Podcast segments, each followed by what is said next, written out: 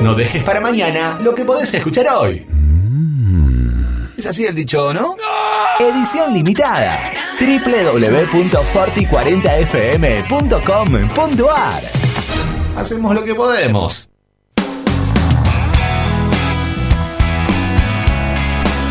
19, 14 minutos.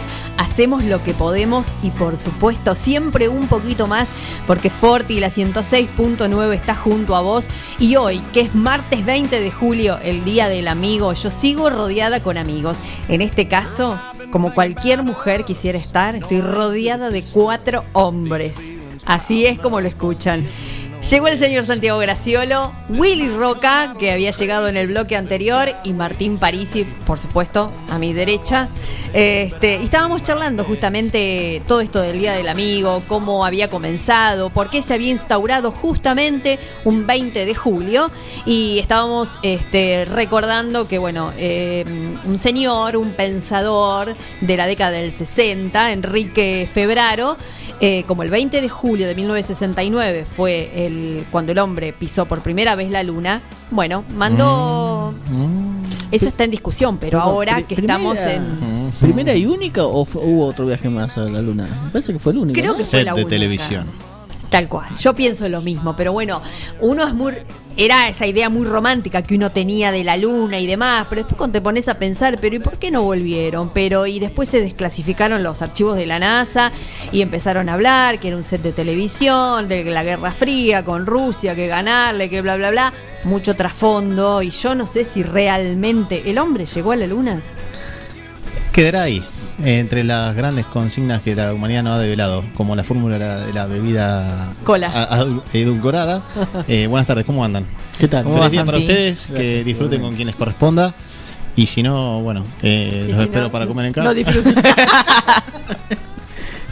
Eh, no, yo la verdad que no le doy mucho asidero a ninguna de las dos versiones, pero sí, me, me inclino por la desconfianza, primeramente. Le, le tengo cierto resquemor a, a esa afirmación de que ha llegado alguna vez. Eh, creo que después se intentó en reiteradas ocasiones, se ha ido, ha, ha habido diferentes eh, ex- excursiones, así se dice, a, a territorio lunar, pero eh, como ocurrió aquel 20 de julio del año 69, aquel día que los televidentes me han contado, yo no ni siquiera estaba en los planes de, de la gestación, eh, cuando el país del norte determina que el evento se vea, el evento se ve Se ve.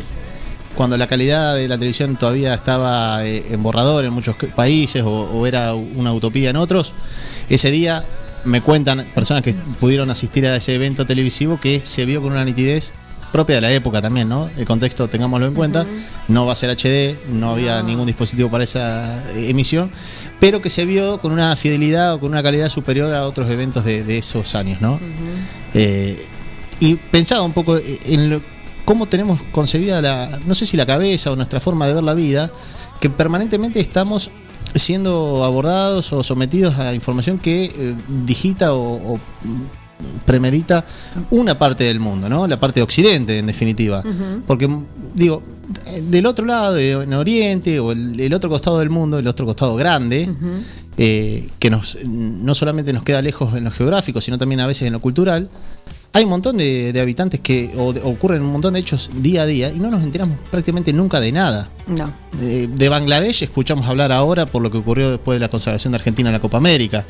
Y si te agarro desprovisto de, de qué estoy hablando, te tengo que explicar rápidamente más o menos de qué estamos hablando con Ba- Bangladesh. Eh, para muchos puede ser eh, una- un país que está mencionado en, en el Made in de la etiqueta de ropa, ¿no? Sí. Otro de los países que tiene mano de obra esclavizada Tal cual. entre otros miles de motivos. Eh, digo, tenemos nuestra nuestro día a día está prácticamente digitado o, o nos bombardean en el sentido metafórico de la palabra con noticias o, o con la agenda mediática que se impone desde Occidente. No estoy cuestionando que esto ocurra, sino simplemente estoy tratando de llevarlo a la reflexión de por qué siempre nos importa o siempre tenemos en cuenta qué nos ocurre de este lado del mundo consumimos los productos culturales de este lado del mundo. Si yo te hablo del cine iraní, probablemente me trates de qué, está- qué me estás ofreciendo, cine ira- iraní. Y sin embargo, tanto el cine iraní como el cine eh, de la India. eh, sí, es muy bueno. Lo descubrimos recién con eh, ¿Quién quiere ser millonario? Con. Slumdog Millionaire. Eh, O sea, mirá todo lo que tiene que pasar para que algo penetre del otro lado y sea algo que se reciba y, y sea bienvenido. Estamos en esa situación desde hace un tiempo y hoy, pese a todas las tecnologías, nos cuesta eh, tratar de entender que del otro lado del tapial hay un mundo que tiene sus, sus noticias y sus problemáticas que a veces no le damos la importancia o la atención que merece, ¿no? Es que no nos llegan, o bueno, hay gente que a lo mejor no quiere que nos llegue. Y, Y ahí si no está el punto. ¿Por habría- qué no nos llega? Exactamente. Habría que bucear mucho en Google, en Internet. Entonces uno lee lo que tiene a la mano, lo que te ofrece Google, lo que te trae el teléfono. Y a veces tanta información, tanta fal o sea, noticia falsa, tanta noticia mal redactada, que te ponen un título y vos picás y sabés que lo que dice el título no es, no es la bajada de línea, no es lo que dice la nota. O sea, bueno, vivimos en una era que se le han denominado algunos especialistas en estos términos, que es la infodemia. Con esto de época de pandemia con información, hay una, hay una, una conjunción de dos palabras, es decir, eh, la infodemia, ¿qué sería? Y básicamente es estar enfermos de sobreinformación y de abundancia de información. Esta sensación, no sé si les pasa a ustedes, pero a mí me ocurre que si me pierdo de ver algo, te lo decía la semana pasada con el tema de los exploradores, de, de- de los buscadores, de la De cantidad de pestañas abiertas que tengo sí. de que si algo no veo, algo no leo, algo no miro, algo me perdí. Y el, el perderme algo lo, lo vivo, en el caso personal, a veces como una frustración. Decir, pucha, me perdí tal partido, tal evento, tal película todavía no vi, tal, le- tal texto todavía no leí. Claro. Y pero es imposible, porque si no terminamos intoxicados. No, a mí también me desespera eso, porque eh, yo tiendo a eso también. Incluso hasta que yo mucho uso recortes periodísticos, como hacíamos en el colegio, yo me los recorto y me lo guardo. Y a veces tampoco tengo tiempo de leerlo. Y me pasa lo mismo. ¿Qué me perdí? Porque quiero estar informada, porque me gusta, pero es imposible, porque hay tanto en demasía, digamos, es, es, es infinita la información eh, que Leer hay, ¿no? las columnas de, no sé, de opinión que generalmente salen sábado, domingo, en distintos diarios, imposible. Uno se levanta un domingo, bueno, a ver, voy a tratar de leer aunque sea. Bueno, Martín es, es el claro foco de conflicto que yo tengo. Porque habitualmente me comparte mucha información Sí. Y yo se lo agradezco, todo. Pero lo que me termina generando es un estrés, es decir, pucha, tengo que leer esto que me pasó Martín, porque si él me lo pasa, debe ser interesante. o de- él- Claro. primero porque tengo un respeto hacia lo Claro, que él por me algo pasa. me lo pasó. Exactamente. Entonces digo, si no lo leo, primero coincidimos en muchos aspectos, digo, si me está pasando esto porque evidentemente es algo que me va, va a interesar. Y no, no hacerlo en tiempo y forma hace que quede ahí y bueno, se va, agobia- se va copiando y te va generando agobio. No sé, no sé, ¿Vieron cómo no sé si estamos haciendo un programa No, o estoy haciendo no, una claro. suerte de ¿Vieron cómo- terapia. Cómo, sirve la terapia, chicos, de juntarnos todos los martes 19.30? Yo cada vez vengo más temprano. y bueno, eso es compromiso, me parece muy bien. no, estábamos hablando del tema del viaje. Sí, Willy. No, diga. que, no, no, lo escuchaba recién. Eh, yo ya pasé por esa. Es como que ahora ya miro cada tanto algo y ya no me preocupo tanto por seguir todo. En un momento sí me pasaba eso que vos decís, de querer ver todo, escuchar todo. Ya a esta altura ya estoy grande, ya no. no Algunas No, cosas de vez en cuando también. O me desenchufo y decir, no, listo, Claro. basta. El Eh, estar un ratito. Miro un ratito, un informativo, algo y ya está. Pero Nada también vos te, vos no te- mucho te más. fuiste haciendo grande, sos un, un hombre grande, pero también eh, para, para, digamos, estás transitando la mitad probablemente de la vida, ¿no? Y, y en, ese, en ese transitar te has ido haciendo de alguna manera grande con la evolución tecnológica. Entonces, lo que en la década, de- los comienzos de los 90 era eh, una acotada oferta de televisión por cable, hoy es el pay-per-view, eh, eh, lo que se viene ya que es una realidad entre nosotros, el, el- el- el pago a la carta o el consumir lo que uno quiere, no que te impongan seis o siete canales, el canal vasco, el canal de Galicia, el canal de Sí. Italia, sino, ¿te interesa la Fórmula 1? Pagás por la aplicación de la Fórmula 1. Es lo que se viene, lo que ya está entre nosotros, entonces en eso fuiste creciendo y fuiste evolucionando también con, con la información que se te fue ofreciendo. Entonces, no- quizás era más sencillo antes que ahora. El ejercicio más difícil me parece que está atravesarlo en este momento. Lo que pasa es que me, me tocó pasar, como le pasó seguramente a Karina, eh, eh, pasar de la etapa del recorte, de buscar el recorte y leer el recorte, a de golpe tenerlo en las pantallas, entonces ya no tener que ir al recorte y buscarlo en la pantalla, cosa que reconozco me cuesta muchísimo leer en la pantalla. Sí. Me gusta el papel. Lo que pasa es que la pantalla tiene mucho bombardeo de imágenes. Oh, y te salpican de todos lados. propaganda. El recorte periodístico, primero que tiene mucha más información, depende de qué recorte periodístico estemos hablando, eh, se explaya de otra manera, depende también del diario que estés leyendo, tiene otra información. Entonces yo utilizo las dos cosas y también uno va eligiendo qué eligen las plataformas, qué eligen el diario. Entonces, pero sí es cierto que el, el tema de la pantalla de, de la computadora, em, mucha publicidad, entonces eso te distrae. No es solamente el extracto de la, de la editorial periodística o del, o del, Sí. o del, eh, de la noticia periodística en realidad. O capaz que tenés abierto, estás leyendo y tenés abierto el WhatsApp web y ves que te llega una notificación y ya te distrae porque vas al WhatsApp web a ver qué te mandaron. Es mucho. Y Yo, así. una herramienta que estoy utilizando ahora, me creé un grupo con, conmigo sola. Eh, entonces yo me mando información Ah, a mí sí, sí. misma. Sí, sí. Entonces, Acá lo tengo. eh, tengo estoqueada, tengo parrilla para rato, pero. ¿Qué herramienta? No, con el WhatsApp. Ah, claro, sí. Haces un grupo WhatsApp. y quedas vos solos. Claro, El- hice un grupo con mi marido. Debo confesarles que. y a mi marido lo eliminé. Y Claro. me quedé yo sola en edición limitada. Ah, no, Entonces me mando. Te podés, es más sencillo todavía. Vos creas tu contacto en la agenda. No pude. Lo intenté de mil maneras y nunca me aceptó. No sé por qué. Lo intenté de mil Ah, maneras, no, está sé bien. por qué Yo no lo hago me de esa deja. manera porque tengo un teléfono viejo al cual Ah. ya está dado de baja, pero me sirve para eso Ah. simplemente. Entonces, Ah. a- a- al Santiago de mi otra vida le Sí. mando información que él nunca la va a ver. Bien. En definitiva, miro yo Ah, por esto, él. Esto es como volver al futuro. Ya me, me estoy Eh, como. Es un tanto esquizofrénico, Sí, ¿no? ¿no? Puede rozar eso, pero. Guau.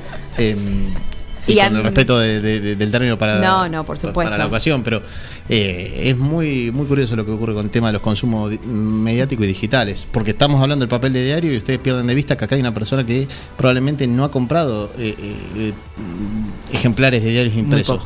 Sí, sí, sí, sí. sí. Hace, no, Digo por la juventud. Sí, No, sí, no, no, hace seguro, mucho seguro. que no, no compro. Pero Eh, eso no quiere decir que no te guste. No, obvio, pero Porque- es que hasta me resulta más cómodo eh, la computadora, por ejemplo, para trabajar Claro. diariamente. ¿Y un diario cuánto vale? Y yo acá en la computadora entro y tengo todos. No, está bien, está bien. Eh, obviamente que cosa me encantaría por ahí leer. Y leo, inclu- por ahí compro sí revistas mensuales o, o bueno, libros, pero diarios hace años no compro. Está bien, vos te criaste con la tecnología, él nació ya con Claro, esta tecnología. Para nosotros Él es que pudimos, ni siquiera es millennial. tal cual, nosotros que pudimos disfrutar de esto, el papel tiene otra sensación. Me digan lo que me digan. Yo te iba a ¿Cómo decir eso, que- tener en la cajita del CD? Que en la gráfica hay una máxima que es, es que se escribe entre las publicidades, o sea, en los lugares libres que te dejan las publicidades, básicamente es eso. Es un poco trasladarlo o transponerlo a, la- a lo digital, es las noticias están entre la cantidad de banners y de publicidades de, de- Sí. de clics que hay. Es más, Se me van a seguir cayendo años encima. O- hoy ya no, hoy ya no. Hoy ya vos diagramás las notas, eh, ta- tenés un diagrama inicial de, de la publicidad adaptable. Vos Totalmente, una nota claro. que te llevó más espacio del que esperaba y bueno, sacaste el aviso de esa página y lo llevaste a la otra. Cambiaste el- la rotillería, la pasaste de lugar. Exactamente. Eh, antes no, antes eh, recuerdo cuando empecé a trabajar en, en gráfica en el 2001. eh, yo llegaba y estaba el jefe de redacción haciendo el, el mono, que se decía que era un, un diario en blanco en el donde pegaba las publicidades que iban ese día, miraba el espacio que quedaba y empezaba a escribir. Y lo escribía justo. De eso lo podía hacer Julio Y Carreri, que era quien hacía eso.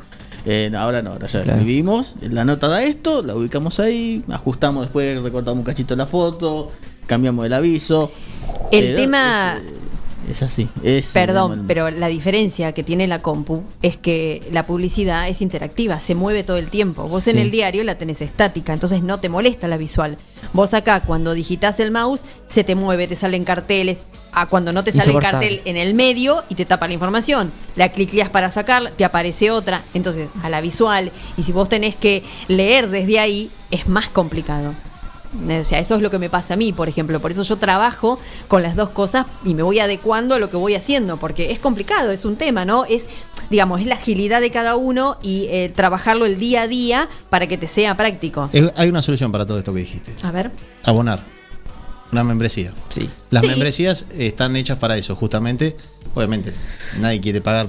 ¿Qué, qué mejor que recibir un contenido eh, de calidad y gratuito, ¿no? Sí, no, en definitiva, pero- muchos medios hacen eso justamente forzando a que eh, te Claro. Por ejemplo, tengo, un conocido que le molestaba las publicidades de YouTube.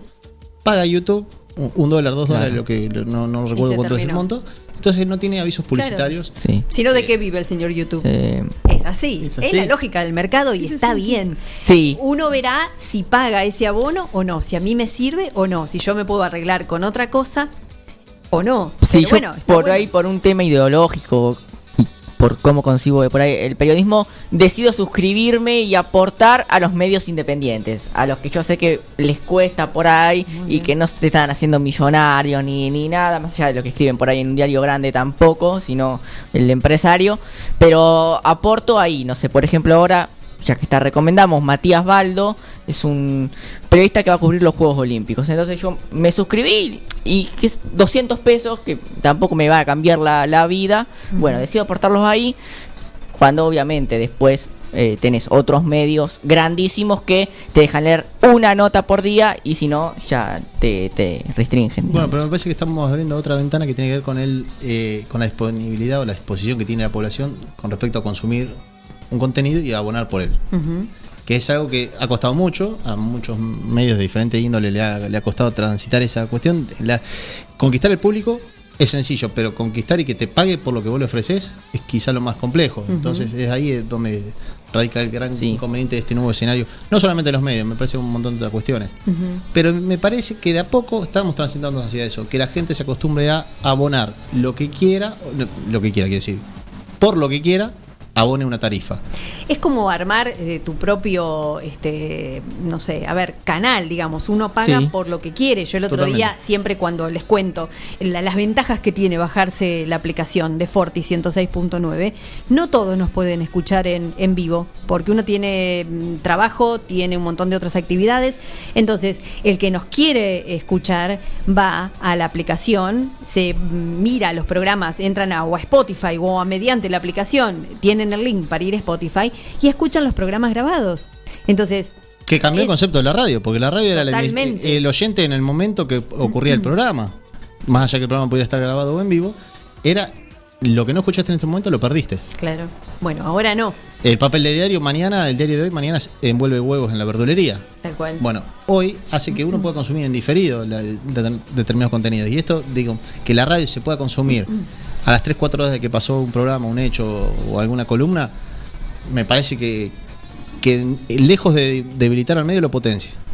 Y otra cosa que cambió en la radio, internet, es eh, yo soy de escuchar mucha radio de madrugada.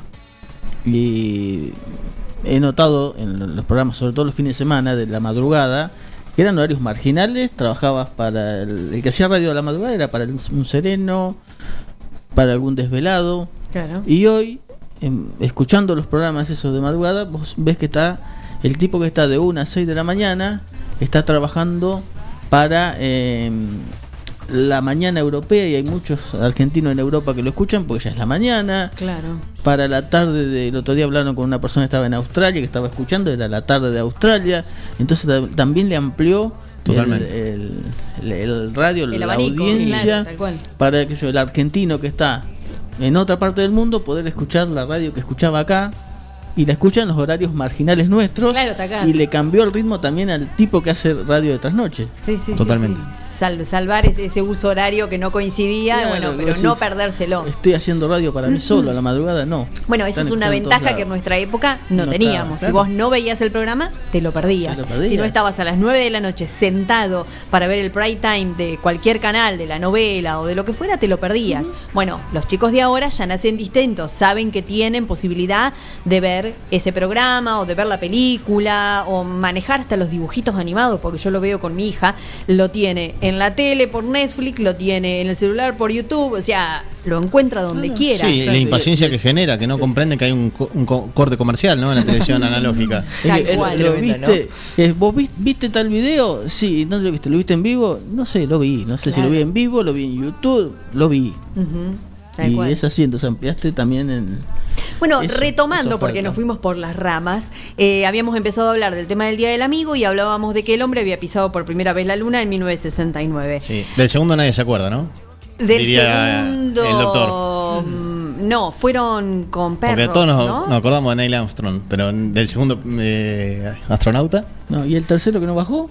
y ¿El se tercero tiene que no bajó? arriba. ¿No era Aldrin? Sí, eran tres. Armstrong, Neil, eh, no, Armstrong... Ah, busque, busque. No, Ve que porque el se- lo que yo digo, quería... Bilardo tenía razón. Del segundo nadie se acuerda. Tal cual. Buah. Nu- Nunca, nunca me imaginé eh, Pero yo no quería ser... rescatando esa máxima del bilardismo. Pero, No, yo no quería hacer foco en eso, ¿no? Y cuando dije de caninos, porque bueno, ha habido a la perra laica antes, de que vayan, claro. claro. los humanos. Y después creo que hubo una segunda vuelta a la luna en 1970, 70 y algo, que también volvieron a mandar perros.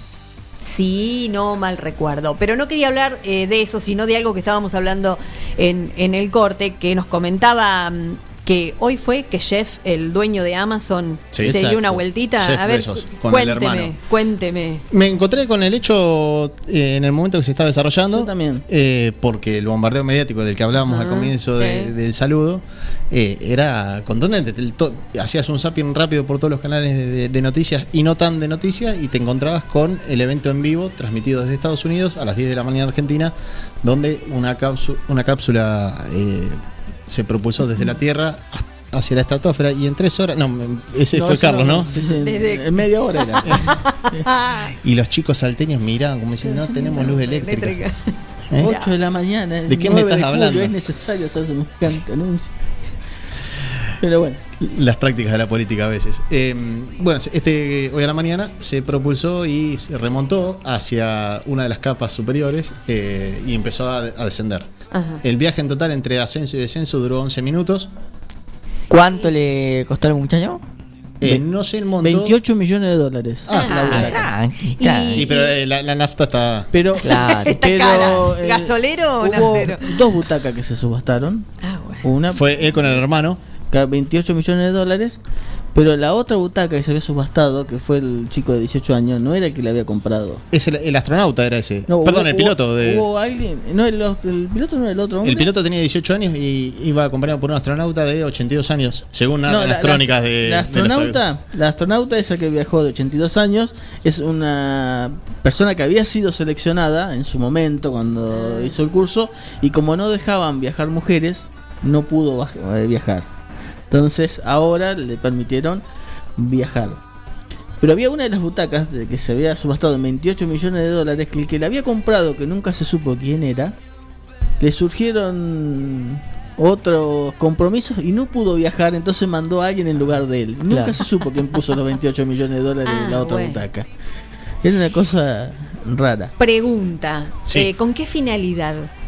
No, Hay una turístico. finalidad. Sí, viaje 11 turístico. minutos. O sea, ¿o será que el señor tiene prueba. mucha plata? no Tanta plata que no sabe qué hacer. Es un- No, una no, carrera. no es una cuestión económica. No, es una carrera.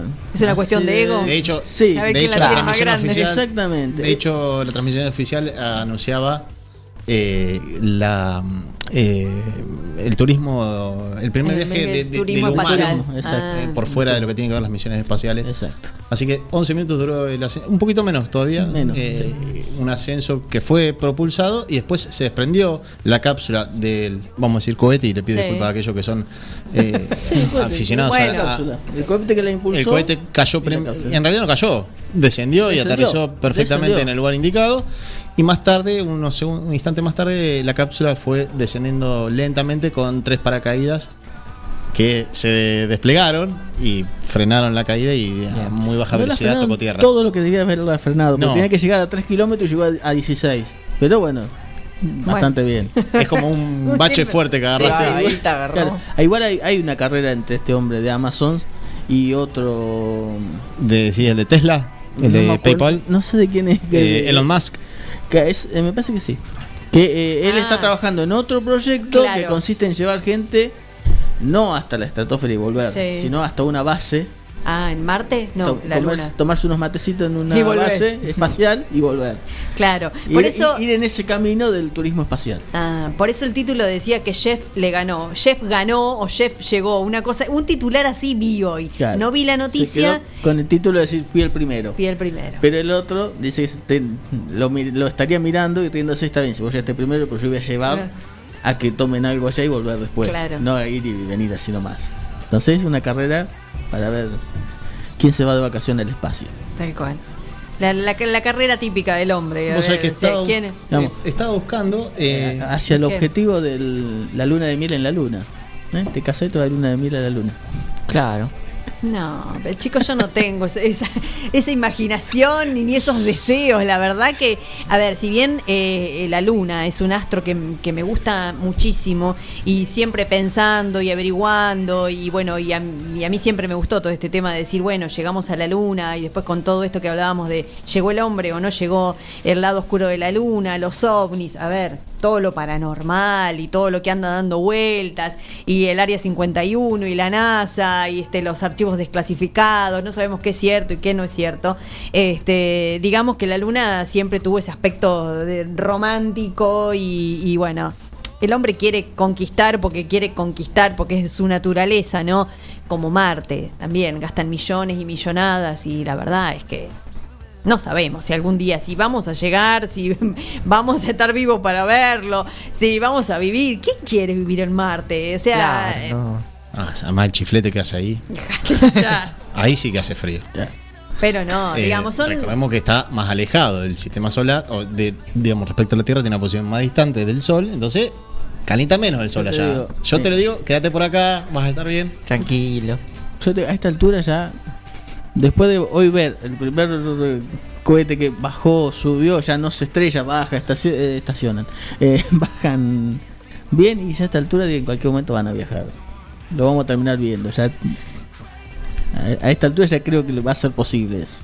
A todo esto, eh, si tenés algunos dólares que te sobren, de esos Mm. 200 ¿Cuánto que quiere? podés comprar eh, oficialmente mes a mes, eh, por la módica suma de 25 dólares te podés comprar un acre en la luna. Eh, esto no es, eh, no es 25 tocuen, no es cuento, es eh, justamente una página que hace un tiempo la había visitado para ver Sí. justamente alguien está recaudando con esto. Ha vendido varios eh, acres, que es una medida que no, no, no, no tengo claro cuántos metros cuadrados, pero No justamente eh, desde 25 dólares podés ya te- tener tu certificado que te hace acreedor de un acre en la luna. Eh, No me puedo comprar una casa en Argentina, pero tengo 25 acres en la luna. Claro. Digo, hay gente ingeniosa. no, pero hay, Sí, Hay, y hay otra que compra. El otro día leí una noticia de alguien que vendió una estatua invisible. Ah, esa es buenísima. ¿Cómo va a comprar una estatua invisible? Y se la le robaron. Y le dieron el certificado. Y se la robaron. Se la robaron, señores. Devuelvan la estatua invisible. No. Qué trastorno en la personalidad tiene ese muchacho, ¿no? Para Aparte le dieron el certificado. Acá ir a tiene- denunciar. Me sustrajeron la. Ay, Dios. Pero encima le ponía condición el que se la vendió. Dice, no, tiene que estar en un cuarto de un metro y medio por un metro y medio. No, está bien. El, el humo fue embotellado, fue envasado. Claro. Y lo justificó diciendo, no, Sí. el, el espacio, el vacío, el aire ocupa ¿Qué podemos vacío. vender ahora? Vamos a. No, bueno, te- tenía una explicación desde el vendedor. Una A ver. explicación Sí. que uno, obviamente, más allá de, de la broma, lo puede comprender o no. El tema es vos, como potencial cliente, tomar la decisión de ir a poner el dinero por eso. Pero ¿Cuál bueno. era, ¿Cuál era la explicación? A ver, porque vi el título, que, pero que no me no explayé en la existía, nota. entonces que, que algo estaba ocupando el vacío. Hmm. Entonces no es que no existía la estatua, era la estatua de, de invisible.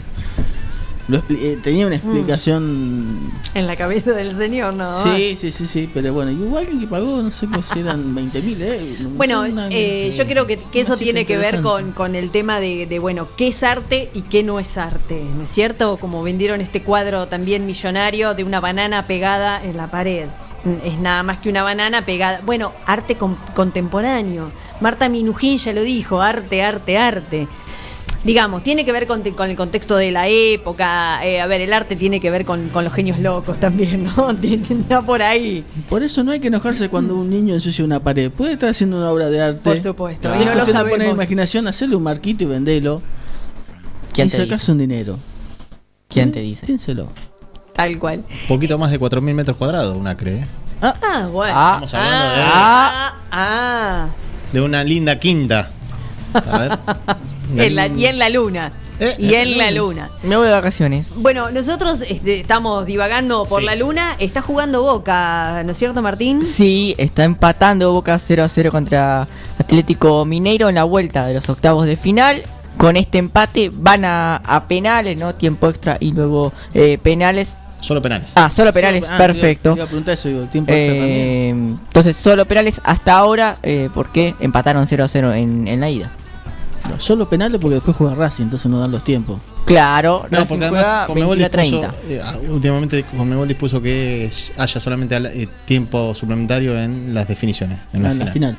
Ocurrió con Bien acá, ¿eh? en febrero, en finales de enero, entre Palmeiras y Santos, Sí. que no se sacaban diferencia y terminaron yendo a tiempo suplementario. Bueno, acá, eh, mi- mientras no haya final, digamos, todas las instancias previas a la final va a ser Claro. igualdad, penales. Pasa en la Copa América. Claro, Así Copa es, lo mismo ocurrió.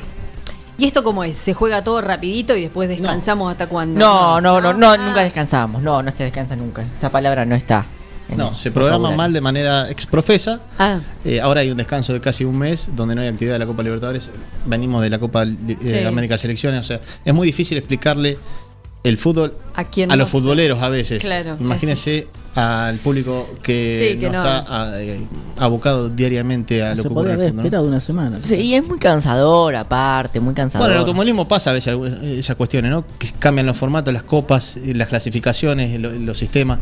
Ahora el fútbol argentino arrancó el fin de semana un nuevo torneo que es diferente a lo que se jugó los últimos dos años. No, no, de los últimos 10. No. Si querés. Claro, Lo que no, sí. se, no se cambia en marcha. Salvo una vez cuando se implementó la Copa de Oro en el TC, Sí. no se cambia en marcha. Una vez que arrancaste, bueno, es así. El campeonato es así. Después para el otro año. Ah, no, bueno, en ese sentido el fútbol eh, es superador. El fútbol puede cambiar el reglamento en marcha, con un torneo en marcha. Lo ha hecho y casi lo hace de nuevo, Yo lo que- Con los descensos. con el VAR. Claro, Ah, el tema Exacto. del VAR. Lo hizo, lo hizo con los descensos y lo, iba- lo iba a hacer ahora con el VAR. Ah, Pero si- finalmente si no. vas a poner el VAR, ponelo de la primera fecha, no de la mitad del campeonato. No llega hasta- este año no llega el VAR a Argentina. No, llega para el torneo local, también, perdón. Hay un tema. ¿Quién paga? eh, de un- una- un gasto significativo para, para los clubes, para la organización. No está, me parece también está faltando el, la- el recurso humano capacitado para operarlo. No, no ven con buenos ojos que lleguen para de- la fecha 4 como se había eh, programado. Ya estamos a la vuelta de la esquina. Fecha 4 creo que es encima, es entre semana. Sí.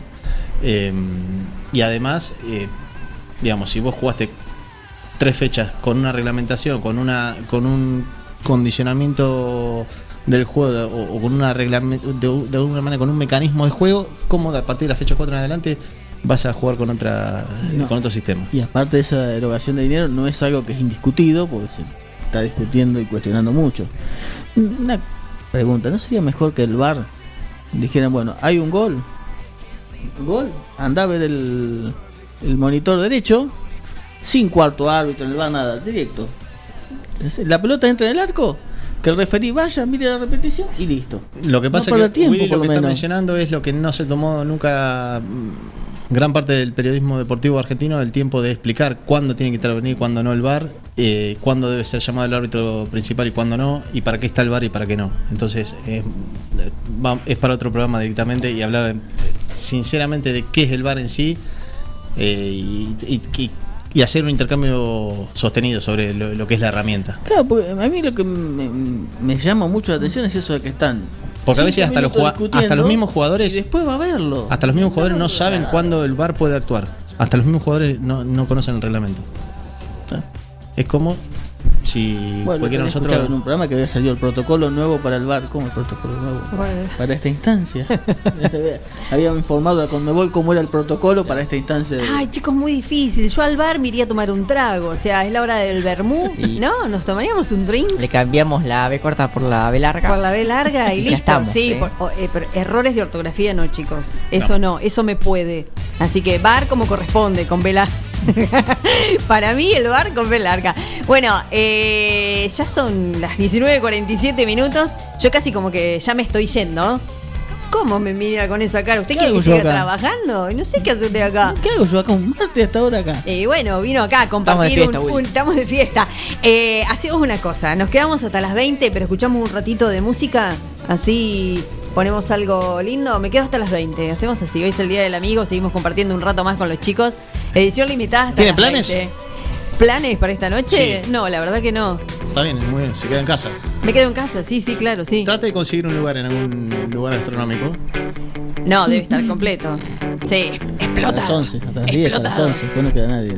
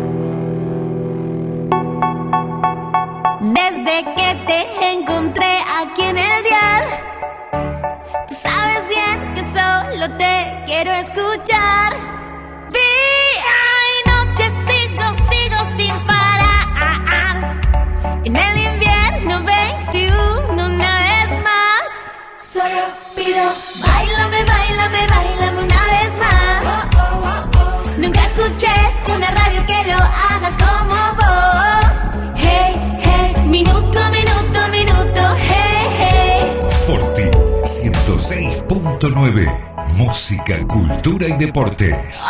Otra vez. Tan divertida como vos. Tan ocurrente como te gusta. Tan moderna como preferís. Sí, sí. El invierno 2021 nos convierte en tu radio favorita. Forti 106.9. Música, cultura y deportes. Neutral Mix. Nutrición animal de bovinos, cerdos y equinos. Líder en el país en productos de concentrados proteicos y distribuidores de Betty Pharma. Neutral Mix. Desde la ciudad de 9 de julio para todo el país. Ruta 5, kilómetro 261. Teléfonos 02317 611 612 611 613. Visita nuestra página www.nutralmix.com neutralmix.com.ar. Docente privado. SADOP te acerca más beneficios. Somos docentes. Somos SADOP. Sumate. En 9 de julio, Corrientes 1464.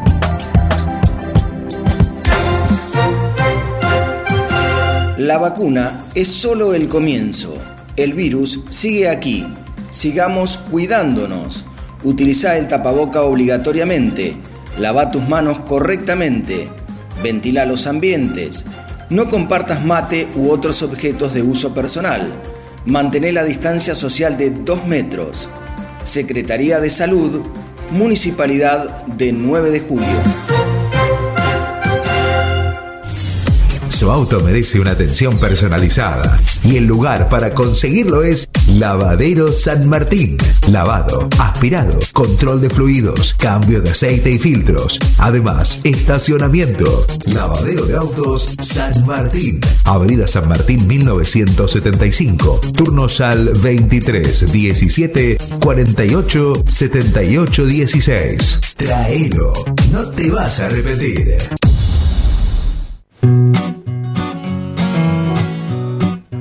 En Rosé Patisserie no solo te ofrecemos propuestas únicas en pastelería, además podés disfrutar todos los días las más exquisitas tartas, empanadas, sándwich y ensaladas. Dale un sabor especial a tus comidas. Acércate, descubrí el nuevo lugar donde las sensaciones empiezan de nuevo. Rosé Patisserie, sorprende a tus sentidos. Abierto todos los días. Horario corrido de 8 a 21. Mitre 976.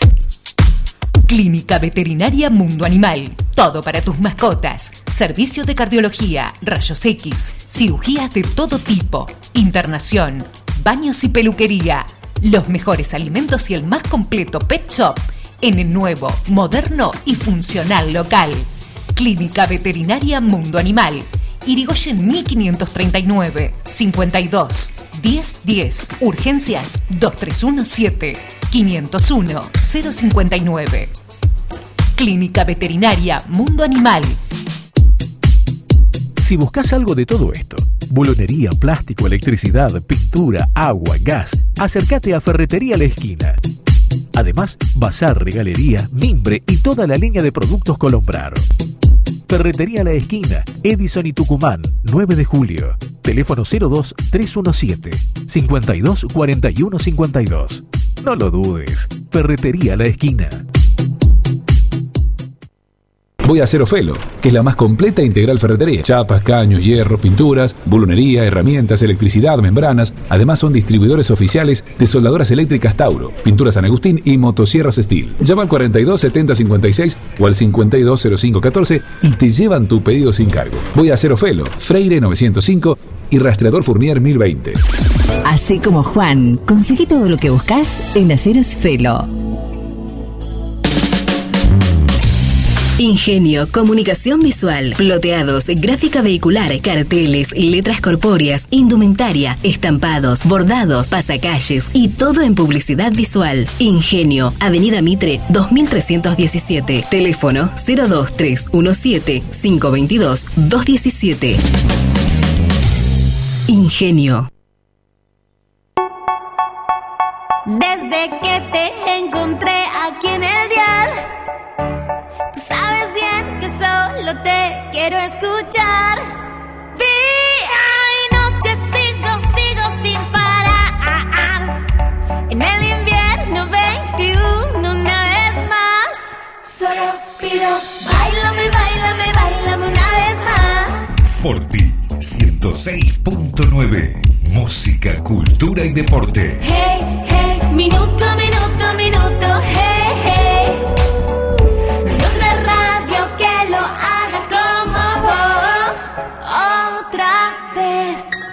No dejes para mañana lo que podés escuchar hoy. Es así el dicho, ¿no? Edición limitada. www.forti40fm.com.ar Hacemos lo que podemos.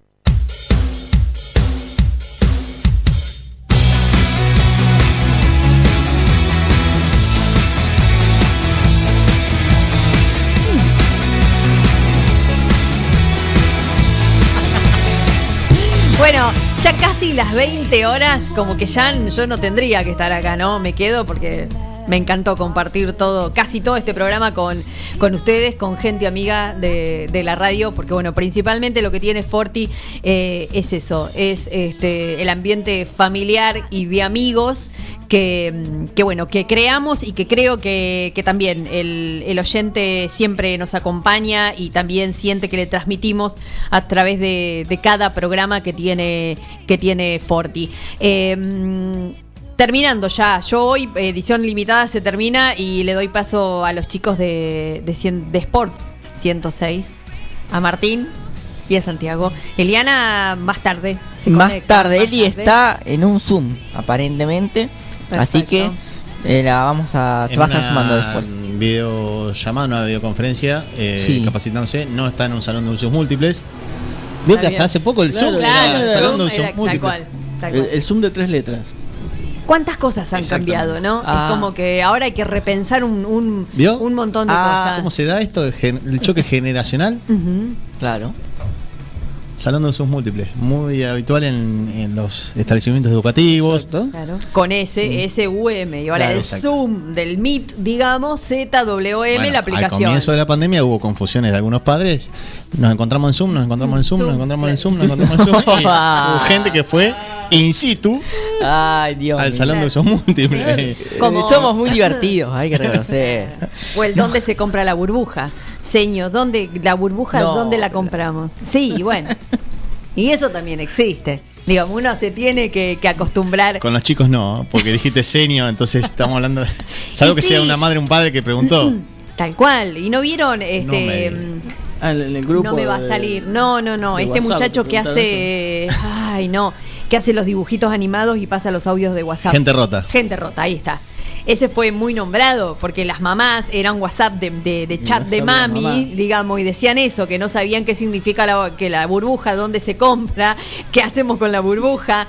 Y bueno, es lógico, es hasta acostumbrarse al, al nuevo glosario de, de la pandemia, que ya la verdad lo tenemos súper internalizado. Si alguien algún día se toma el trabajo de recapitular desde marzo No. 2020 hasta el día de hoy, al menos en el ámbito local, ¿no? Eh, o nacional, lo que fue el peregrinar mediático, Increíble. la- la- las cosas que nos hemos olvidado, aquella maestra que les enseñaba clase de matemáticas a los alumnos, alumnos le- les planteaba dos o tres problemas y cuestionada por algunos padres, le desafiaba a las madres diciendo, y si querés algún otro videito, pedile a tu marido que... Sí. bueno, No, No, terrible. eh, esa no, la hemos olvidado, pasó eh, en el 2020, entonces como que pasó hace mucho tiempo. Claro. Como que pasó hace mucho, sí. Do- igual 2020 fue como casi una década entera, podemos, ¿eh? Eh, Sería como el año 73, un poco el 2020, así que ta- tantas cosas.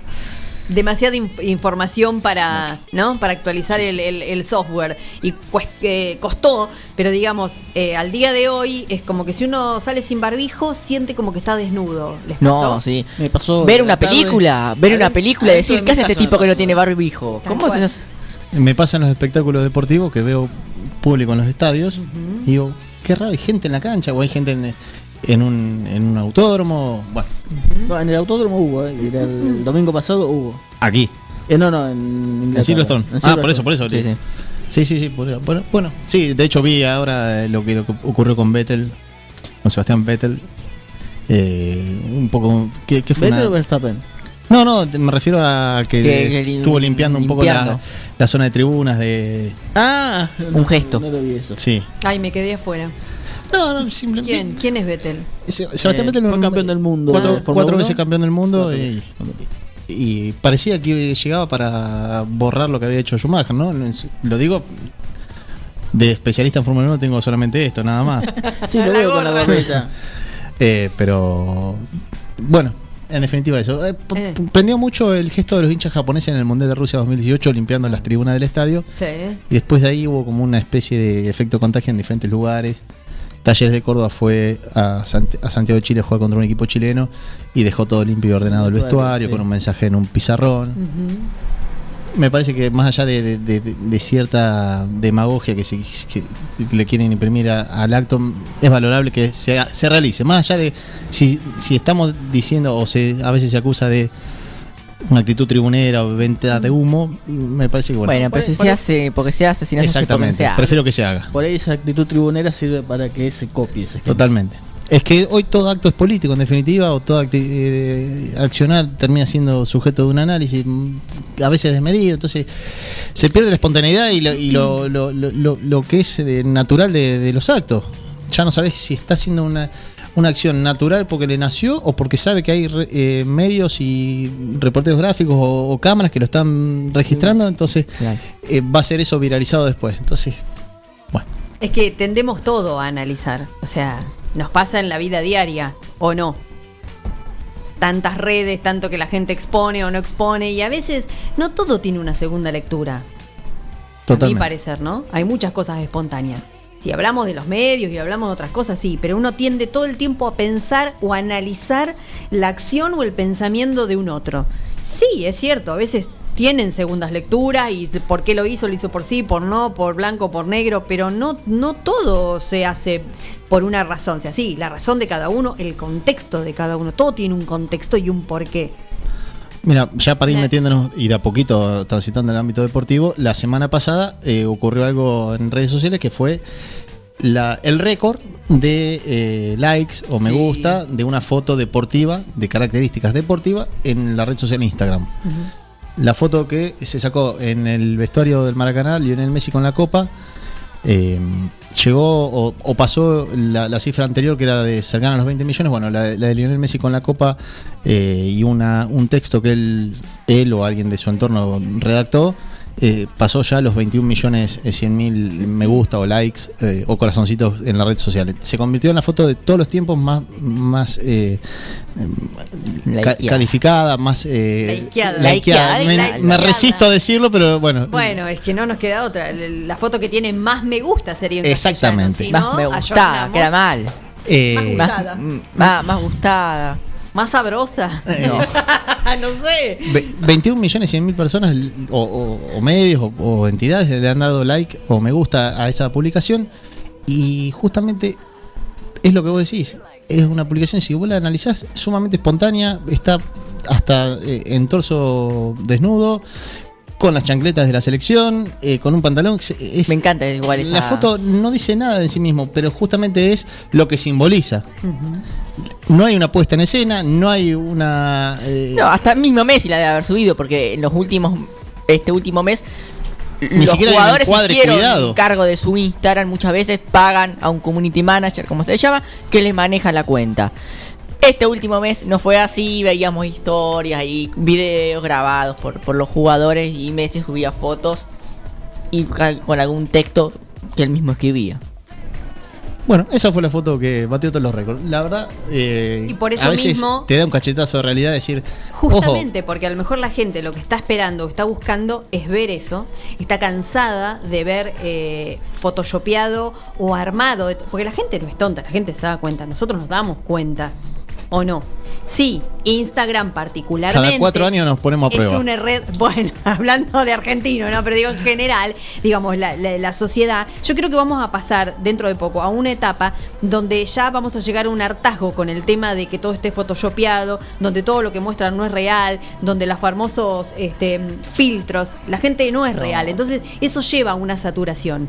Y bueno, la gente cuanto más espontáneo o, o, bueno, responde, es la interacción del público justamente con su ídolo. ¿Le gustó? Y sí, 21 millones de likes.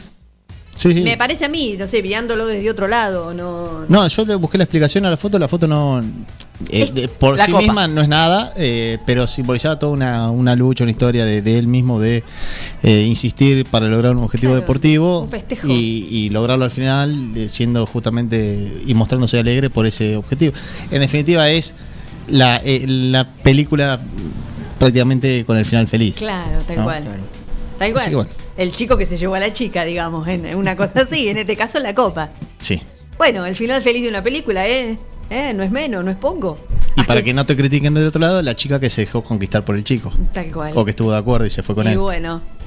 ¿Y Porque por qué pasaron tantas Hay veces? que abrir todos los paraguas hoy en Pero día. por supuesto, porque a la gente, a ver, porque conjugan todo, como la película o el romanticismo. La imagen esa de que Antonella va corriendo a buscarlo a Messi cuando baja del avión besándose, Es como, no sé, la película de Kevin Costner con Wendy Houston cuando, a ver, el guardaespaldas. Yo también haría lo mismo, dijo alguien.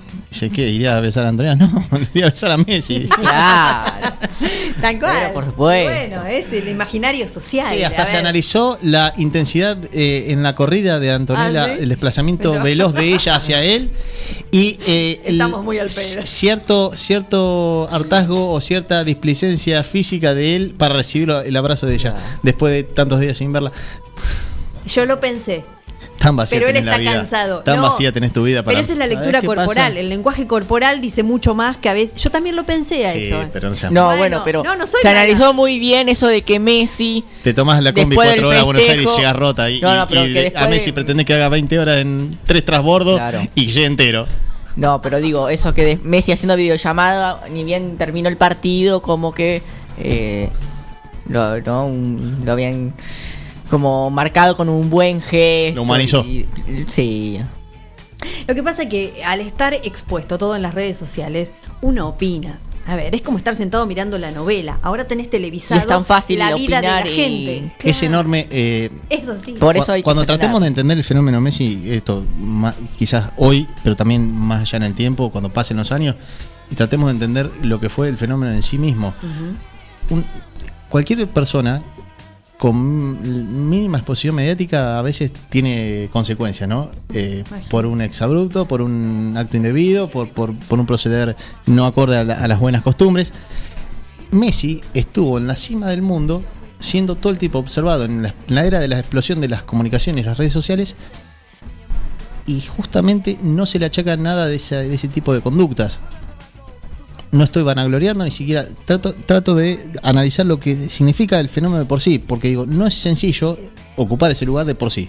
No, por supuesto que no. ¿no? Y Digo, y a eso le sumás la constante carga eh, simbólica y, y de- y significativa que tiene justamente estar en el centro de, de la escena todo el tiempo. Porque todo el tiempo está en escena. Es la Todo presión. el tiempo es el actor que está Qué arriba del escenario. Es como estar en, en, en un este en un reality show. Y o él lo- sea, Sí. No lo- digamos, trato de entenderlo para con Messi porque con Maradona no, no se lo hizo o no se lo trató de, de analizar eh, en profundidad eso. Digo, a veces eh, hay una foto muy característica de una, hay un álbum si se quiere, pero hay una foto que me quedó grabada de la final de, de Zagreb de la Copa Davis 2016, si no me equivoco, la final Argentina-Croacia. Eh, la, final que termina ganando Argentina por primera vez la Copa Davis. Ese día Maradona va a, pasar el fin de semana como espectador y va a mirar la final como, un hincha más, como hacía con cada representante argentino por el mundo.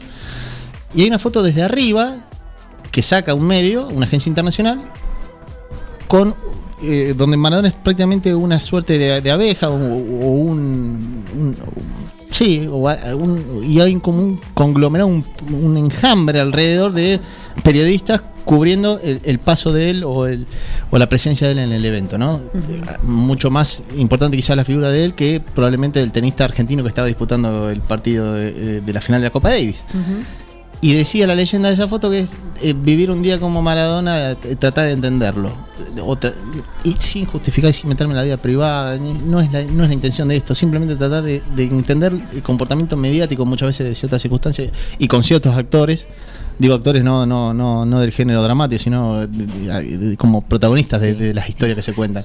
A veces es muy complicado, muy difícil, ¿no? Nos cuesta, perdón, hasta en, en, en- en la diaria ponernos en, en los zapatos del otro. Imagínate en un ídolo. Totalmente. No, lo que te decía, de lo que te quería decir, digo, de, de lo de Maradona y Messi, la diferencia me parece que pasa también porque, por lo que hablábamos antes también de la cuestión generacional, eh, Messi eh, se hace profesional del fútbol en un contexto donde tenías montones de canales deportivos, prensa siguiendo los entrenamientos, acostumbrado a las redes sociales. Cuando Maradona arranca, y había dos o tres programas de radio de dos horas por día, mandaban un periodista de carrera, y había dos periodistas en los entrenamientos. Te vas a emocionar, pero digo, Es, eh, iba, iba lo de Pipo Mancera a asados circulares. Ay, sí. Digamos. Era- y de golpe. Ese era el atractivo de- más del sábado, de, ¿no? Más allá de la frase de, de Diego, me pegaron una patada y quedé. Exactamente. Más allá de eso, eh, también eh, fue cambiando eh, el contexto. De decir, bueno, de- las comunicaciones no eran como ahora. Messi ya nació con eso. De, de Sí. las comunicaciones, de las redes, del- del no tener vida privada. De, de hecho, vos decías lo de la cancha cuando estaba hablando, haciendo la videollamada, le pusieron el el, el drone atrás para ver con quién estaba hablando, que era con el padre, Sí. creo. Dennis Rodman, un basquetbolista que fue compañero de bueno de, de Michael Jordan, jugó también en los Pistons en la, en la NBA, alguna vez dijo que a él no le pagaban por ser jugador de básquet, sino por todo lo que lo rodeaba, ¿no? Ser un jugador de básquet, bueno, una persona que también disfrutaba de salir de, de no de, de fiesta y demás y siempre las cámaras apuntaban a él. Así que bueno. Sí, sí. Es una manera de, de, plantear eso más allá de los aciertos y los desaciertos de, de Maradona. No es ni defender a uno ni a otro, ¿no? No, es tratar de- el de entender entender. el contexto en donde se movieron y que a Maradona le tocó hacer el cambio, como nos pasó a, nosotros de pasar de el diario de papel al diario digital. Incorporar- ¿Cuántos temas hemos tocado hoy? eh? Sí, no sé si Gabriel tiene la posibilidad de, de- de poner el audio que le acabo de, de pasar, eh, justamente de alguien que fue director de la revista El Gráfico, un medio deportivo que marcaba la agenda de lo que iba a co- a acontecer, Sí. lo, lo que había pasado y lo que iba a pasar. No, no había Telemin, se esperaba el gráfico para ver la foto, a ver si había sido offside, había sido full. Y que en un programa le preguntan justamente por esto de este planteo que a veces es hasta estéril de decir Maradona, Messi. Yo siempre prefiero decir Maradona y Messi. eh, y el orden de- se lo dejo a quien le guste, pero me parece que acá hay una buena descripción de, de- de- para entender a los dos personajes en cuestión. ¿Maradona? ¿Cuál? ¿Usted cree, Marcelo, que hay un Maradona? Yo creo que hay muchos. Hay por lo menos ocho, nueve Maradonas.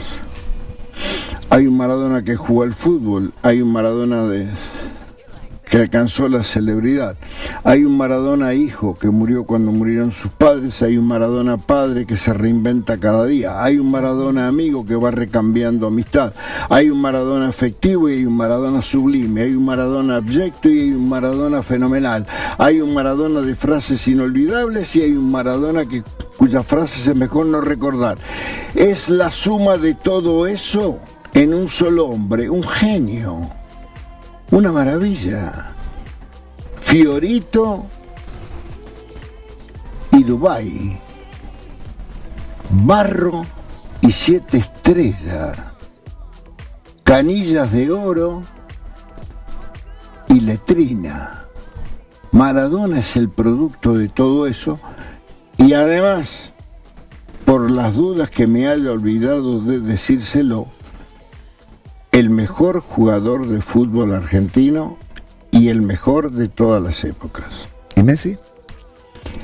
Messi fue el hijo de su papá y es el hijo también de su mamá. Es el hermano de sus hermanos. Messi es el mejor de sus compañeros. Es el mejor jugador de fútbol del mundo de la actualidad. Pero siempre estuvo en el rol lógico en el que la vida lo puso. Por eso, por no haber tenido a lo mejor alguna necesidad, alguna hambre, alguna deuda pendiente, Messi tiene comportamientos absolutamente tan austeros y lógicos que nosotros, los periodistas, lo convertimos a Messi en un personaje que no es y para el cual no está preparado para ser. Maradona fue el papá de sus padres, el papá de sus hermanos, el super amigo de sus amigos, el protector de sus protegidos. Mientras que Messi fue la criatura lógica que nació, se crió, se desarrolló, se desenvolvió y se consagró dentro de la contención con que un niño puede llegar a ser hombre. Ernesto Cherguisvialo es quien hablaba junto a Marcelo Pacetti en el programa Cada Noche. Esto es un extracto, un fragmento que ocurrió justamente en televisión pública unos meses antes quizás de- del desenlace final que tuvo Diego Maradona, por eso hablaba en tiempo presente de, de un Diego Maradona vivo. Pero me parecía la capacidad eh, argumentativa y, y narrativa que tiene Ernesto Cherguisvialo, hombre que supo dirigir a la revista El Gráfico, con un seudónimo, incluso llegó a escribir eh, eh, sus columnas como Robinson. eh, Y escribió la biografía de, de Maradona con Daniel Cucci. Así es. Eh, hombre que, para muchos de las generaciones modernas quedó eternizado con la expresión en, los en la puerta de la AFA eh, dónde iba a jugar o dónde iba a viajar la selección argentina y él pronunció a eh, Johannesburgo, la, ciudad sudafricana, como Johannesburg. Y, fue hasta caricaturizado y ridiculizado por eso, desconociendo la trayectoria de Cherkis Vialo, eh, un hombre que acusó fuertemente a Julio Grondona y después terminó siendo jefe de prensa de esa AFA de Julio Grondona, en esto de contradicciones que también eh, lo- los seres humanos y, y Cherkis también la tiene, ¿no? Pero más allá de eso me quería quedar con esta parte argumentativa que es lo que eh, me parece que resume bien esto que veníamos hablando de posicionar a uno y en otro en qué contexto y en qué tiempo de- y qué característica tuvo cada uno en su Un perfil claramente psicológico lo que él dio, digamos. Psicológico Sí. en el sentido de, de- de- de describir perfectamente. Para el este, moñito. Sí, impecable, la verdad. Va, a, a nuestro entender, ¿no? Así es, pero de Maradona y de Messi no vive el deporte argentino y ya sumados a Sport 106 le agradecemos a la gente del automovilismo que nos acompaña. Vamos a empezar a desarrollar de a poquito y ustedes cuando quieran marcharse... el automovilismo termina a las 20, así que yo me estoy retirando. Edición limitada también. bueno, nosotros nos se vamos. van cuando- nos vamos, cuando- nos vamos. Porque acá... eh, No, no, bueno, eh, se quiere colar uno. No, Martín, usted se No, queda. usted se queda. Acá la salida, Ah. la salida te la va indicando el DJ, como fue siempre, ¿no? Tal cual. Te suben las luces, te ponen el lento y de a poco te va yendo. Todavía no pasa eso, así que ustedes cuando quieran eh, se, se marchan. Van a notar nuestra ausencia. Es que Seguramente. en realidad uno amaga porque a uno le cuesta ir, porque uno se quedaría, esa Está es la verdad. acá. Porque donde uno la pasa bien, siempre por vuelve. supuesto, Por supuesto. Bueno, yo sí, me despido, los veo el próximo martes en edición limitada. Un gusto haber compartido. Justo que íbamos a hablar de los Juegos Olímpicos con Karina, que Con le iba a todo lo que preguntar No, pero usted me está Estoy haciendo... más manija ¿qué que. disciplina, ¿qué disciplina le gusta? No, que...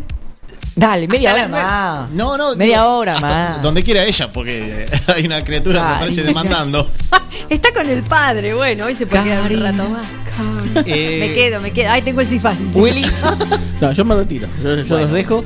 Un gusto haber estado ¿Qué hace ahí. la gente del automovilismo ante un evento como los Juegos Olímpicos? Ya con eso te libero. Y tenemos el karting. Karting es olímpico a partir de este año. Búsquelo. Se incorpora el karting. Al, No. al- entonces para la próxima. ¿Usted está desafiando al señor Martín París al aire? No, yo tengo entendido que el karting iba a ser Karting, olímpico. mm, a ver.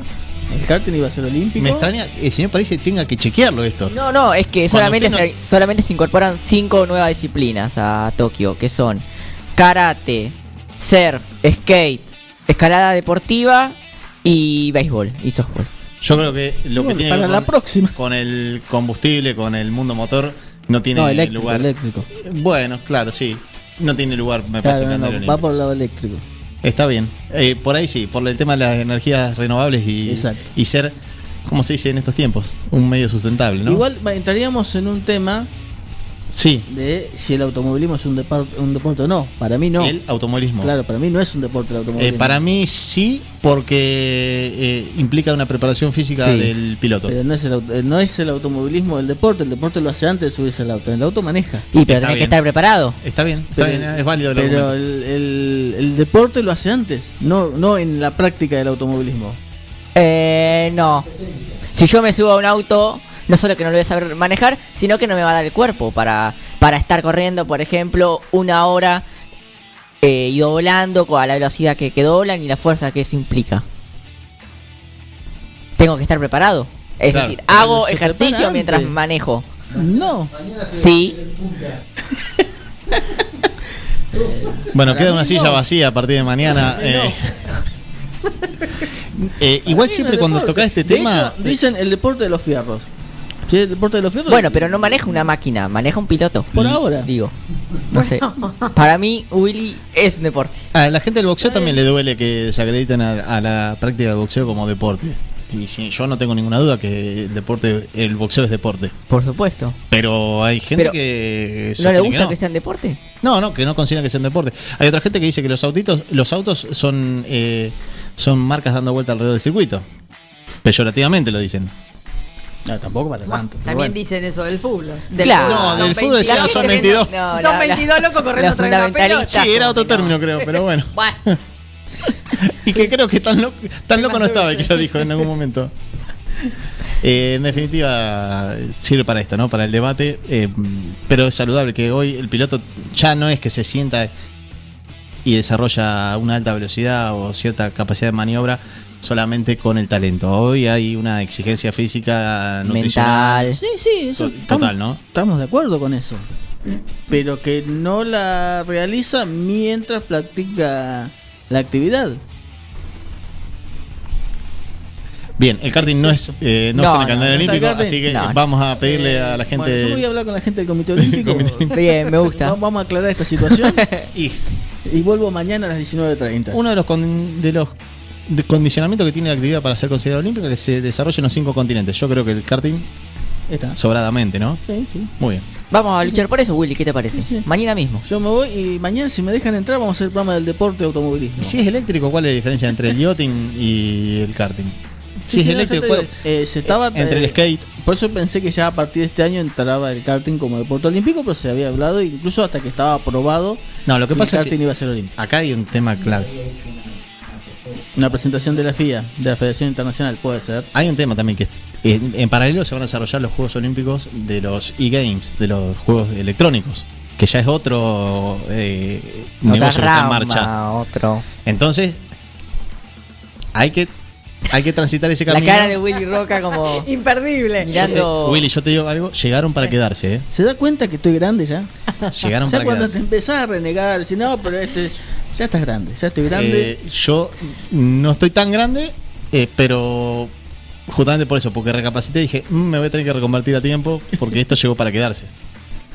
Si no, una vez eh, me pasó el año pasado, creo que estaba en el canal de deportes y quedó ahí. Y en un momento apareció un programa y. ¿Qué están haciendo? Juegos electrónicos. Estaban con, con los juegos electrónicos. ¿Vos no viste la televisación de la Fórmula 1? Parecía un jueguito electrónico el otro Sí, día. sí, sí, sí, decía Seguía- el estaba- nombrecito arriba. Cuando seguían el, el auto en la cámara tenía la marquita y con el y con la etiquetita arriba del piloto. Claro. En vivo. Sí, sí, sí. Sí, el auto de Alonso, creo que lo seguían a. Alonso y decía ahí Alonso.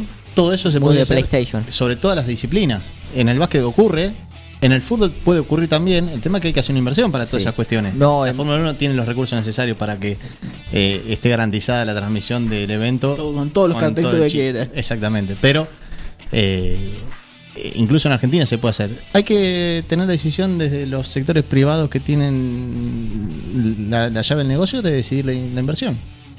Si es rentable o no. Pero bien. eh, vamos a empezar a hablar de a poco de lo que va a ser los Juegos Olímpicos, que hay actividad que comienza... ¿Con qué se...? Hoy me parece que Hoy arranca con béisbol. béisbol femenino. Pero no me dijo con qué simpatía usted, más allá del karting, que no está. Ah, entonces, ¿con qué nos Eh, entretenemos? No, no, me gustan bastante deportes, sé mirar un ratito el básquet, un ratito Bien. hockey, el fútbol. Descubre así algún deporte eh, haciendo un zapping. Va, zapping no porque está ahí clavado, el- pero digo, eh, en ese recorrido que hace habitualmente el canal que transmite los juegos. A mí me pasó con la arquería. Ah, no, no, no, pues generalmente yo cuando miro Ya sabe lo que está dentro de lo lógico está, no, Bien. no me aparece ninguna cosa rara como decir qué está haciendo esta gente. Está bien. No, lo que te- le decía a Willy, que más allá de los juegos electrónicos que ya han llegado y son una realidad, hay una necesidad de los que organizan los juegos de incorporar audiencias jóvenes y, y que, de, que de alguna manera que tengan un motivo o varios motivos para poder incorporarse al tema de ser consumidores del circo olímpico. Entonces, me parece que ya con la maratón o con la natación o el atletismo les queda corto o no les llega a toda la audiencia, a toda la juventud y necesitan algún alguna, alguna vuelta de tuerca. Eh, me parece que en el último tiempo lo que han hecho es buscar cierta similitud con los X Games, lo- los, los juegos esos de, cierta destreza que son más propios de, de Norteamérica. Por eso ha incursionado con el BMX, que es la bicicross. Por eso va a incursionar el skate, el surf. Sí. El, el skate está bien, ¿no? Sí, skate, sí. Skate, surf, digamos, son deportes que uno no lo asociaba al movimiento olímpico de, de- del, del tradicional movimiento olímpico, digamos, de, de- de los valores de, de Pierre de Coubertin, que es el hombre que de alguna manera llevó ahí la, la- la cuestión olímpica por todo el mundo con, con, con su, con su obra. Pero hoy los tiempos corren o los tiempos que corren son justamente los que necesitan sumar audiencias. Y las audiencias dicen, no me está satisfaciendo esto que estoy viendo. Eh, si me querés eh, convocar, ofreceme algo que sea de mi interés. Y me parece que están transitando ese, ese camino, ¿no? Yo me, eh, cuando Sí. me detengo generalmente a mirar algo que tiene una resolución rápida. Como puede ser una carrera de 100 metros que, bueno, va a ser cortita, bueno, me quedo, mira quién gana. Una carrera de natación. Eso es lo que más por ahí me atrae, más que algo largo, un partido largo o algo cortito. Así, bueno, a ver, esto me gusta, lo miro, a ver. Sí, le pasa mucho. Eh, El, el tema de consumir hoy es algo efímero. Así que eh, es lógico lo que plantea Willy. Me parece que le pasa a muchos que habitualmente no consumen quizás una carrera de natación de 50 metros, de 100 metros, pero de repente se pueden encontrar justamente con una final olímpica y, decir, y es una "Para, final". me tomo Final 20, o 30 segundos. igual. Me tomo 20, 30 Cortita, segundos y veo. Claro, un minuto, dos minutos. Después me clavo una hora y media de Fórmula 1. No se pasan, pero lo miro. Bien. Está bien. Lo que no es automovilismo, eh, cortito, rápido. Bien, no sé cómo estamos de, en cuanto a la tanda publicitaria. Si te parece, Gabriel, vamos a, a un breve corte para de a poco ir eh, caminando ya por lo que es Sport 106 con la compañía hasta que ellos decidan de Willy Roca, de Karina Tuma, del señor Martín París, Santiago Brasil es mi nombre y estamos haciendo una edición especial de Sport 106 en el Día del Amigo, hablando un poco desde el deporte, desde el hombre a la luna, desde todo lo que ocurrió en un día como hoy. Bueno, transitando un poco el atardecer de este día especial, Día del Amigo, 20 de julio del año 2021 en toda la República Argentina, 20 horas 30 minutos y de esta manera nos vamos a ir con algún tema musical seguramente a una tanda y enseguida volvemos. Sport 106. Andrés Curra, trabajos de construcción en general, en la ciudad y en el campo, casas, galpones, plantas de silos, impermeabilizaciones en celdas y conos de silos, también alquiler de herramientas de construcción, pinzón neumático, llanador helicóptero, tubulares, máquinas hormigoneras y mucho más. Andrés Curra Construcciones. Celular 2317 57 69 99. Cui, En Agustín Álvarez 444 DR9 Multipartes. Repuestos automotrices, agrícolas y pesados. Todas las correas. Cadenas agrícolas, crucetas y rodamientos. Todos los filtros. Bombas de agua y depósitos. Suspensión, embragues. Agustín Álvarez 444. Entre Cardenal Piroño y Alcina. DR9 Multipartes. Agendanos 2317 52 63 05.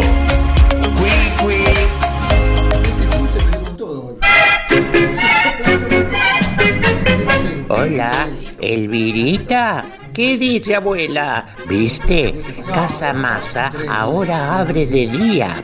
Abre de día y de noche. Pero qué barbaridad. Esa Casa Masa me imita en todo. Yo abro de día, Casa Más abre de día. Yo abro de noche, Casa Más abre de noche. ¡Qué país! Casamasa es una masa, es la pizza que arrasa.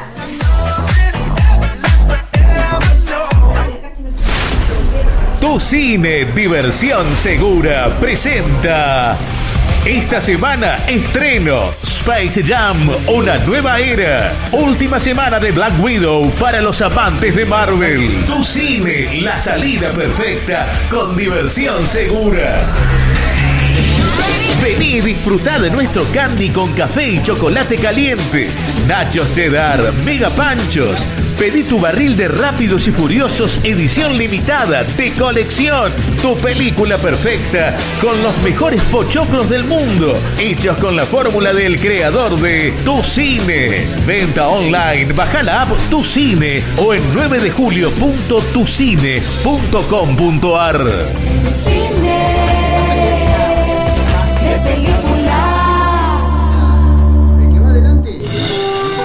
Julio González Construcciones, trabajos de construcción en general, en ciudad y campo. Julio González Construcciones, Juan Manuel de Rosas, 640, 9 de julio. Contacto 2317 458464.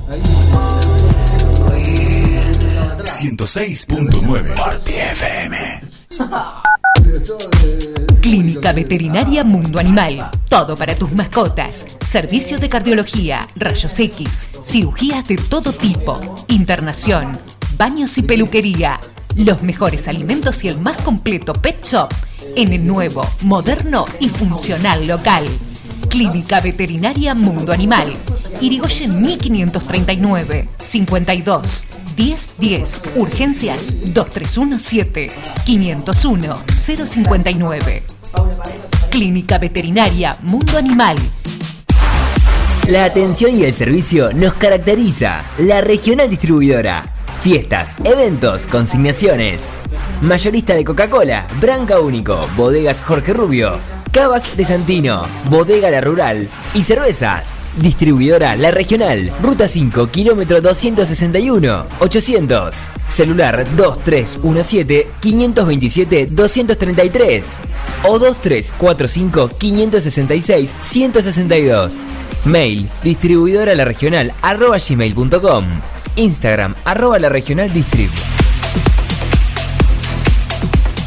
La vida puede ser muy dura, por eso te ayudamos a enfrentarla. Acércate a Rubén Alejandro Fernández, productor asesor de seguros, representante de Zurich, provincia, Sura y asistencia al viajero Coris. Encontrarnos en Avenida Mitre 1737 9 de julio, teléfono 520669, porque asegurarse es una prioridad, no una opción.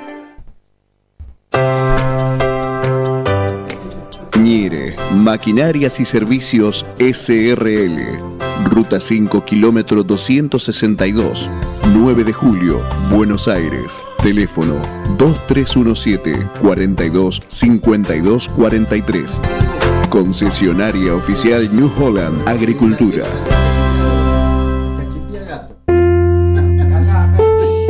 Todo comenzó con una simple necesidad, a la que respondimos con mucha pasión. Y nos llevó a crecer, a brindarnos cada día para darte siempre el agua más pura, para todos los momentos de tu vida. A llenar durante 30 años las expectativas de todos los nueve julienses. Agua Pava, 30 años llenos de calidad y pureza. Alberto A. García, agente oficial Alarmas X28, con la posibilidad de tener un sistema hecho a su, medida. Alberto A. García. Visítenos en nuestros showrooms, Avenida Mitre 1785, teléfono 52 10 20, www.albertoagarcia.com.ar y en Facebook, Alarmas X28, la tranquilidad de estar protegido en todo momento. En todo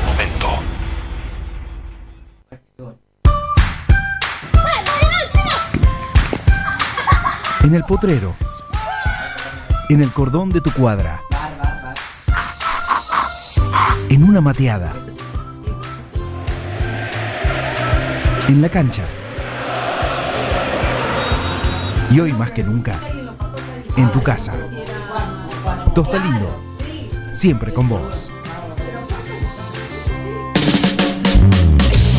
Ingenio, comunicación visual, ploteados, gráfica vehicular, carteles, letras corpóreas, indumentaria, estampados, bordados, pasacalles y todo en publicidad visual. Ingenio, Avenida Mitre 2317, teléfono 02317 522 217. Ingenio. Mira, él lo empujó. Mariposa, tienda de objetos. Si es original y diferente, lo encontrás en Mariposa, tienda de objetos. La Rioja 1230.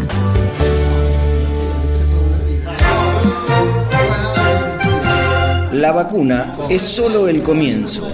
El virus sigue aquí. Sigamos cuidándonos. Utiliza el tapaboca obligatoriamente. Lava tus manos correctamente. Ventila los ambientes. No compartas mate u otros objetos de uso personal. Mantén la distancia social de 2 metros. Secretaría de Salud, Municipalidad de 9 de julio. De día o de noche, No importa. no importa. Las 24 horas del invierno 2021, Tu radio te acompaña en 106.9. Forti. A tu lado, todo el día.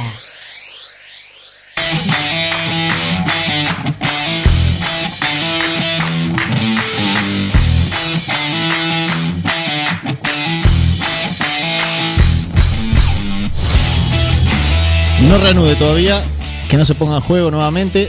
Están chequeando nuevamente la película que se vio la semana pasada. Parece Los que, que es el bar. No, no, no. Velo Horizonte está ocurriendo nuevamente una escena que el hincha de Boca no quisiera eh, sufrir nuevamente, pero está Esteban Ostojic en este momento visualizando, va a visualizar, esto es en tiempo real, lo que está ocurriendo justamente, va a visualizar justamente la jugada donde hubo un gol de Boca, me parece que fue Chelo Weigand, si no me equivoco, Martín corregime si no, Así es. eh, un centro de Sebastián Villa al área eh, y va a analizar si hubo infracción en la jugada previa o una posición indebida de eh, del Pulpo González eh, justamente en, el- en el momento que el arquero de Atlético Mineiro va a tomar el balón.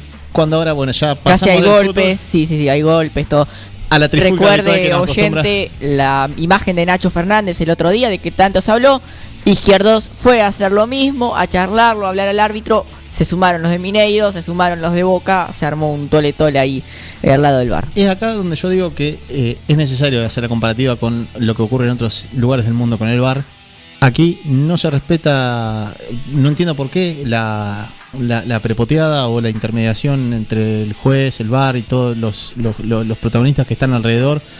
No, no, no, no hay un. Ahí no, no, está, no se está utilizando la manera debida, no, no está siendo debidamente respetado la utilización de- del sistema de videoarbitraje, así que mm, hay que repasar eso más allá del funcionamiento. Cuando una y otra vez la televisión repasa los incidentes entre jugadores de ambos equipos, titulares, suplentes, los bancos también se, se involucran en una gresca generalizada, veremos qué ocurre. Por ahora no hay decisión sobre lo que ocurre justamente en Belo Horizonte. De, de convalidar el gol, sería eh, 1 a 0 mm, parcial como visitante Boca y un gol que eh, le dejaría cierto aire de cara a la clasificación, porque al haber- salido 0 a 0 en la ida, con este gol Atlético Mineiro se ve obligado a hacer dos. para poder clasificarse a los cuartos de final de la Copa Libertadores. Hay que tener en cuenta que e- de esta llave, quien avance se enfrentará al ganador de la llave entre eh, Argentinos Juniors y River Plate, que van a estar enfrentándose mañana. Correcto. Así que se especula siempre que ocurre este tipo de circunstancias con un posible o un potencial enfrentamiento entre River y Boca en cuartos de final. Veremos si avanza justamente eh, Boca hoy a la noche. Lo mañana eh. hace lo mismo River. Eh, Esteban Ostojic, que es el árbitro uruguayo que estuvo a cargo de, de la final entre Argentina y Brasil en el Maracaná, es el árbitro del partido. Y a instancias del VAR mm, confirma Martín París que anuló el gol de Boca. Así que veremos cómo. Los continúa. jugadores de Boca muy calientes están, bueno, casi ahí. ca- a las piñas, digamos, eh, se diría en el barrio. Muy bien. Siempre tan gráfico Martín París, a quien le, le- le agradecemos eh, su- sus Por crónicas favor, de por boxeo. favor. Eh, Bien, vamos a empezar a hablar un poco algo de lo que nos permita, mientras seguimos de reojo lo que ocurre en Belo Horizonte entre Atlético Mineiro y Boca, lo que va a ocurrir a partir de ya, podemos decirlo, de los Juegos Olímpicos, porque hay actividad que empieza, si bien la horas. ceremonia de apertura va a ser el viernes por la mañana, hablo de la mañana argentina, 8 de la mañana. 8 de la mañana, bien. Vamos a hablar de lo que ya empieza a haber actividad con algunas disciplinas, con algunos representantes argentinos antes de la ceremonia. Y Correcto. te pido primero que me digas qué es lo que primero o la primera actividad que se va a desarrollar. Hoy, eh, ya calculo que, que en algunos minutos vamos a estar viendo softball, ¿sí? Y eh, también va a empezar el fútbol femenino. Bien. Eh, así que algunos partidos que ya empiezan a, a jugarse. En ninguna de las dos disciplinas Argentina tiene participación. Pero hay algunos partidos que sí, que ya ahora, en algunos minutos nada más, va, van a comenzar. Así que ya estaríamos con los Juegos Olímpicos. Después, por supuesto, que vamos se va a jugar el miércoles. Va a haber actividad eh, el día jueves con, con Argentina, sí. Argentina eh, debuta en, en el fútbol contra Australia. Siete y media sería la primera Delegación o, el primer plantel, el primer eh, deportista o, o el primer grupo de Conjunto, deportistas sí. argentinos. eh, en este caso hablamos de un conjunto porque es la selección o el representativo de la selección argentina de fútbol que va a jugar justamente el próximo viernes 7.30 de la mañana. Estamos a eh, 17 minutos justamente de que se desarrolle la actividad formal de los Juegos Olímpicos porque va a ser el partido del softball en la versión femenina entre Australia y Japón, la primera actividad de los Juegos a partir de las 21 horas de Argentina.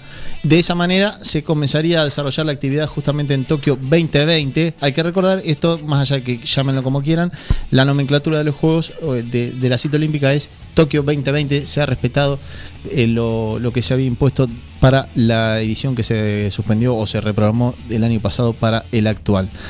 Mañana va a haber actividad de argentinos, pero no como deportistas, sino en la parte de- del referato, del arbitraje. Justamente le va a Ajá. tocar justamente a una referí o una- un árbitro de- del fútbol femenino, que es Laura Fortunato, la árbitra que eh, abrirá el camino de Argentina en los Juegos Olímpicos. Es la primera eh, compatriota, por decirlo de alguna manera, que eh, fue elegida para tomar eh, actividad justamente en los Juegos Olímpicos. Bueno, será la árbitra elegida por la FIFA para impartir justicia en la cita más importante del deporte mundial, eh, más allá de lo que tiene que ver con el fútbol femenino, que tiene su Copa del Mundo como la rama masculina, bueno, las mujeres también tienen su mm, disciplina olímpica eh, en el fútbol femenino, así que mañana Laura Fortunato será la jueza del partido, la árbitra, en el partido que van a enfrentar Zambia, un país de África, justamente continente africano, y Países Bajos, esto hasta hace muy poco mal llamado eh, o mal denominado teníamos nosotros el concepto de Holanda. Bueno, después en otro programa vamos a explicar si querés, eh, vamos a conversar respecto a, a la nom- denominación de cómo debe mencionarse Países Bajos, que es lo que conocemos o la gente común, comúnmente denomina como Holanda, va a ser justamente ese el partido para Laura Fortunato, árbitra argentina que va a estar mm, justamente participando a partir de mañana en Tokio 2020. Tenemos El algunos audios. jueves, el jueves va a ser el turno del fútbol y ya el viernes la ceremonia de apertura. Después de ahí va a empezar el cronograma de deportistas argentinos que van a empezar a desfilar por diferentes escenarios de Tokio 2020 y van a ir justamente participando del calendario olímpico. Sí es. Si te parece, vamos con la defensora del título. Eh, dale. Con Paula Pareto, la doctora Paula Pareto, que deberá revalidar lo que logró justamente en Río de Janeiro 2016 con aquella medalla de oro que obtuvo el primer día de competencia luego de la ceremonia de apertura. Escuchamos a Paula Pareto. Esta previa es muy diferente a la previa de los otros tres Juegos Olímpicos a los que fui. En verdad, primero porque se postergó un año, segundo porque hasta último momento la realidad es que no se sabía si íbamos a competir o no, entonces los entrenamientos eran muy del día a día, entrenamos desde casa o desde lo que pudimos lo mejor posible.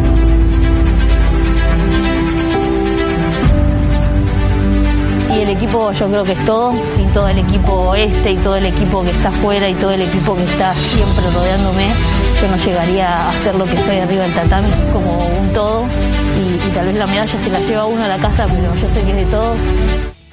Bien, Paula Pareto, la doble medallista olímpica argentina. Uno quizás tiene más borroso el recuerdo del, bronce olímpico en Beijing 2008.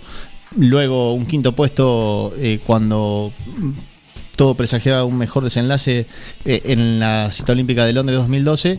Y finalmente concretó lo que se esperaba en- justamente en las Islas Británicas, lo concretó en Río de Janeiro 2016 con la obtención de la medalla de oro, el título olímpico para la doctora Paula Pareto, que es justamente, además de una eximia ya a esta altura, a una doble medallista olímpica, que trata de calificarlo, ponerle algún, algún calificativo eh, grandilocuente ya es abundar un poco eh, respecto a, a la performance que tiene Paula Pareto, pero la gran judoka argentina, probablemente la- una de las mejores de todos los tiempos, con dos medallas eh, olímpicas, bueno, y que irá justamente eh, por su cuarto juego olímpico y con pretensiones de podio, ¿no? Sí. ¿Cuándo pelea? Tiene ¿O cu- ¿Cuándo competencia combate? ¿Cuándo compite? el viernes, sí, es decir, viernes de esta semana, viernes a las 23 horas, sí, aquí en Argentina.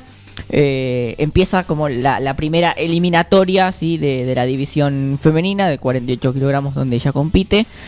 Se había hablado de que sea abanderada, pero justamente al competir al otro día de, de la presentación, de la inauguración, eh, dijeron que, que no. Sí, es una de las disciplinas, el, el judo, que tiene su acción en los primeros días. Inmediatamente, ni bien pasa la, la ceremonia de apertura, eh, es justamente una de las eh, disciplinas que primero ve actividad de- después de la, de la fiesta, por decirlo de alguna manera, y eh, ya fue ella justamente eh, elegida bandera de la delegación argentina en la ceremonia de clausura de los Juegos Olímpicos de Río de Janeiro, o sea, fue campeona, se quedó esos 14 días que le quedaron hasta el final de la, de la cita olímpica y pudo ahí sí ser la abanderada de, de la fiesta de cierre de los Juegos Olímpicos de Río de Janeiro. Pero es difícil, es muy complejo, más en una ceremonia que va a estar con presencia de público bastante reducida, de público me refiero a, a deportistas, porque tiene que ver justamente con los, lo- los cuidados propios de, de la pandemia, ¿no? Así que eh, como compita al día siguiente, Paula Pareto, no, perdón, al día siguiente no, eh, sí, está bien, al día siguiente, claro, porque la ceremonia de apertura es el viernes a la mañana en Argentina y la actividad de Paula Pareto va a ser en la noche de- del No, viernes. jueves a la mañana la, la ceremonia. No, no, no. Jueves a la mañana es el, equipo Batista, el sub-23. Perfecto. Eh, Ah, el viernes Perdón, es la ceremonia de apertura perdón, y el viernes, pero por la noche Argentina va a estar la presentación de Paula Pareto, que va a ser en continuado. Eso es, va, va a tener toda la el, el debut y el, el, el desenlace, por decirlo de alguna manera, hasta donde avance en la misma jornada. Así que muy entrada la madrugada, probablemente ya haya novedades de medalla para la delegación argentina de la mano de Paula Pareto. Hay que seguir atento a eso. Es los, los mayores deseos de una atleta que es medalla de bronce en, en Beijing 2008, medalla de oro en Río de Janeiro 2016. Uno tiene cierto, si bien es mesurado, pero tiene cierta esperanza que Paula Pareto pueda repetir alguno, de algún metal alguna de esas medallas y, y poder darle la primera alegría a la delegación argentina ahí eh, por la por el comienzo de la mañana del sábado eh, de, de- de- del segundo día, digamos, de actividad de los Juegos Olímpicos de manera formal, ¿no? Luego de la ceremonia. Sábado estaba hablando, sábado 24. Así que ahí ya habrá, tendremos seguramente, eh, si todo marcha como corresponde y según lo planificado, con una novedad eh, positiva respecto a la presentación de Paula Pareto. Si te parece, no sé si has... eh, Tenemos, si querés, sí. también eh, audio de. Alguien que va en búsqueda junto a su a, su equipo de un oro olímpico que se le ha negado sistemáticamente. Estamos hablando del seleccionado femenino de hockey sobre césped.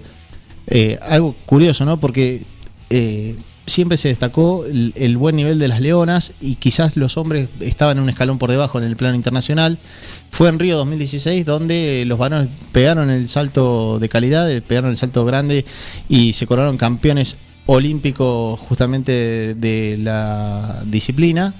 Eh, algo que las leonas en todos estos años desde que han surgido como leonas justamente después de Sydney 2000 nunca han podido coronarse como campeonas olímpicas. Lo máximo que han logrado es la medalla de plata, pero no han podido lograr el oro, han logrado plata, han logrado el bronce, no pudieron con el oro, sí han logrado la medalla de oro, pero en los campeonatos mundiales, Campeonatos mundiales, no en la cita olímpica. Si te parece, no sé Martín, si tenemos preparado eh, Sí. Delfina- a Delfina Merino o Pedro Ibarra. A Delfina Merino. Delfina Merino, entonces escuchamos a una de las mejores jugadoras de las Leonas y del mundo sobre la campaña que va a emprender justamente la delegación nacional. Estos Juegos Olímpicos son especiales porque, bueno, lo preparamos en medio de una pandemia. Yo tengo la imagen de estar corriendo en el garage de mi casa durante seis meses con la ilusión solamente de que los Juegos Olímpicos puedan llevarse a cabo. Y me parece que eso da un plus más, ¿no? Cómo enfrentarse a adversidades y estar tratando todo el tiempo de superarlas. Y con las leonas obviamente vamos a estar esperando el apoyo de todos los argentinos y esperamos que todos ustedes puedan sentirse representados por este equipo. Delfina Merino, mejor jugadora del mundo unas temporadas atrás, elegida y hoy gran referente de, las Leonas, de la Selección Nacional de Hockey Femenino, que justamente comentaba lo difícil que fue este ciclo olímpico. Recordemos que los Juegos Olímpicos son 14 días de competencia, pero lo que tiene que ver con el proceso que va desde la finalización de un juego olímpico hasta el comienzo del siguiente, se le considera ese periodo como el tiempo de Olimpiada, es lo que estamos transcurriendo hasta dentro de unos minutos, la Olimpiada que está llegando a su fin para darle comienzo al Juego Olímpico. En esos Juegos Olímpicos, Argentina va a ir en búsqueda de la mm, tan postergada medalla de oro en la rama eh, femenina y, y seguramente Delfín Femenino será una de las eh, piezas fundamentales que tendrá el equipo nacional, que va a tener actividad a partir de cuándo, Martín. Eh, va a tener actividad contra eh, Nueva Zelanda, sí, el día domingo a las eh, ceros, o 12 de la madrugada sería, ¿no? 12 de la madrugada. digamos la noche del sábado. Eh, Eh, exactamente, medianoche- noche del sábado. La medianoche del sábado ya se puede uno eh, poner a ver justamente o, o preparar para ver lo que tenga que ver con las leonas, aquel que, que, que ande con ganas de trasnochar un poco o esté un poco desvelado, bueno, 015, horario, lindo la, la- la medianoche del sábado, 015 el turno de las leonas frente a Nueva Zelanda, una, un rival que siempre ha exigido a las leonas, así que debutará con un rival que lo, lo exija al conjunto del hockey femenino. Los varones lo harán justamente un día, 24 horas antes. La noche del viernes, en el comienzo del sábado, 0-15, también está programado eh, el partido entre Argentina y España. Todo esto en el fantástico calendario que ha confeccionado Matías Baldo y que uno puede ingresar a través de su perfil de Twitter y suscribirse gratuitamente a este calendario donde está todos los horarios y los cronogramas, el cronograma con todos los horarios de los representantes argentinos de cada una de las disciplinas. Así que muy valioso con lugar, eh, horario y rival de cada una de, los, de las disciplinas, ¿no? Y un solo clic. Es en serio entrar a, ese enlace y aceptar finalmente eh, no solo los deportistas argentinos, ese es un link, y si también alguno lo quiere, las distintas finales de las competencias. Son un tiempos, gran laburo. Son tiempos donde hay cierto temor con, la, con las estafas electrónicas o, o cierta reticencia a las cuestiones tecnológicas. En este sentido, lo que dice Martín París es absolutamente cierto. No hay ningún temor. Es Matías Baldo, con B larga, el periodista que ha confeccionado este calendario, que resume muy concretamente lo mejor de las representaciones argentinas a lo largo de los Juegos Olímpicos. Y si no estás tan interesado o no tenés eh, algún deportista, deportista argentino para seguir de cerca, sobre todo esto va a pasar la segunda semana con algunas pruebas finales de atleti- atletismo, lo que puedes hacer es justamente eh, mm, suscribirte al o añadir al calendario que tiene las finales olímpicas eh, de cada una de las disciplinas. Así que bienvenido sea este tipo de información que, que se comparte a través de las, de las redes sociales. Eh, si te parece, Martín, vamos a hablar de lo que tiene que ver con otra presentación Grassi. argentina. Santiago Grassi, ¿quién es Santiago Grassi? Es un nadador, así es, es un, es un nadador que va a estar compitiendo en los 100 metros mariposa y en los 50 metros libre, ¿sí? Eh, veremos si puede finalmente acercarse a, a una eh, medalla, ya que compitió en, en Río 2016. Es un poco pretencioso de tu parte, pero Sí, no, por eh, el mismo Santiago Grassi desea poder acceder a una final olímpica, estar entre los ocho mejores. Eh, Un Santiago Grassi que cuenta algunas sensaciones respecto al público presente en el natatorio. Algo que en Río de Janeiro de 2016, por la cercanía, por el momento mm, quizás económico, pudo verse reflejado en las tribunas con muchos argentinos alentando. Y acá me parece que la experiencia olímpica va a ser otra. Eh, escuchamos a Santiago Grassi y después les contamos cuándo nada. Va a ser diferente, no creo que todavía haya competido un torneo de esta magnitud sin público. Va a ser diferente. No sé cómo van a hacer, si van a poner algún tipo de sonido en la entrada, luces. De alguna forma creo que lo van a, suplementar, ¿viste? La falta de, la gente, de, ese ambiente, para que genere un poco de adrenalina. Pero va a ser diferente, sí, porque eh, la gente te da ese plus de salir a un estadio. Yo me acuerdo, es más, estaba viendo videos de Río, eh, de, mi, de mi mariposa, y me acuerdo que, vamos Santi, se escuchaban de todos lados, y eso hace a la diferencia, suma un poco más. El primer objetivo es llegar a, la- a las eliminatorias, estar eh, consciente, controlando todo lo que, lo que yo puedo controlar, que eso es estar en el momento, relajado, disfrutándolo y tirarme a dar el 100%. De lo que soy capaz, soy capaz de una semifinal. No tengo ninguna duda de que lo puedo lograr. Hay días y días, entonces hoy me puedo sentir excelente, mañana quizás no y pasado me siento mejor que hoy. Entonces la idea es estar tranquilo hasta los 100 mariposa. El objetivo es, como te digo, controlar esas pequeñas cosas que están dentro de mi control. Una semifinal es un sueño. Ahora, como objetivo quizás se escapa de mi control, porque yo puedo dar mi mejor marca y, y no, y, y quizás eso no alcance. Entonces, el objetivo es ir a dar el 100%, dar lo mejor que tenga, todo lo que estuve trabajando, ponerlo en, en- en esos 100 mariposa. ¿Soy capaz de la semifinal? Creo que sí. ¿Soy capaz en el 50 libre de meter semifinal? También. Y cuando estemos ahí, obviamente, vamos a seguir buscando más. Pero dejar el país lo más alto posible. Me gusta este juego que hace Santiago Grassi, eh, eh, interpelándose a sí mismo, preguntando y contestando él mismo, haciendo las veces de entrevistador. Me, me- me gusta este personaje que estamos descubriendo de alguna manera. Eh, un joven Santiago Grassi, un talento de la natación nacional que eh, ha tratado de hacer la preparación de la mejor manera posible. Eh, ha sido muy difícil en muchos deportes eh, lo que ha ocurrido el año pasado con el, el- el cronograma. Vos pensás que los deportistas compitieron y se prepararon o tomaron el tiempo necesario para llegar de la mejor, con la mejor puesta a punto a mitad del año pasado. De repente, lo que ocurrió hizo que se reprograme todo y se tenga que enfocar en un año después, eh, poner o re- justamente reajustar todos los, los tiempos, las clasificaciones, lo que tiene que ver con la puesta a punto del físico, en este caso un nadador, que va a tener actividad cuando, Martín. Va a tener actividad el jueves 29 de julio. Sí, así que vamos a esperar una, una semana para, para la natación. Será eh, a las 7.50 de la mañana. Bien, ¿sí? yo lo tenía 7.30 pe- hasta las 8, pero vos Bien. con mayor exactitud como nos acostumbras habitualmente, me decís que 7.50 va a ser el momento que Santiago Grassi se va a zambullir en el, eh, natatorio olímpico de Tokio y irá en búsqueda de un- seguramente una clasificación en esa eli- preliminar, en esas eliminatorias que son los 100 metros mariposa, una disciplina que eh, exige desde lo físico, ¿no? Más allá que Santiago Grassi también compite en eh, estilo libre o el estilo que nosotros conocemos comúnmente como crawl.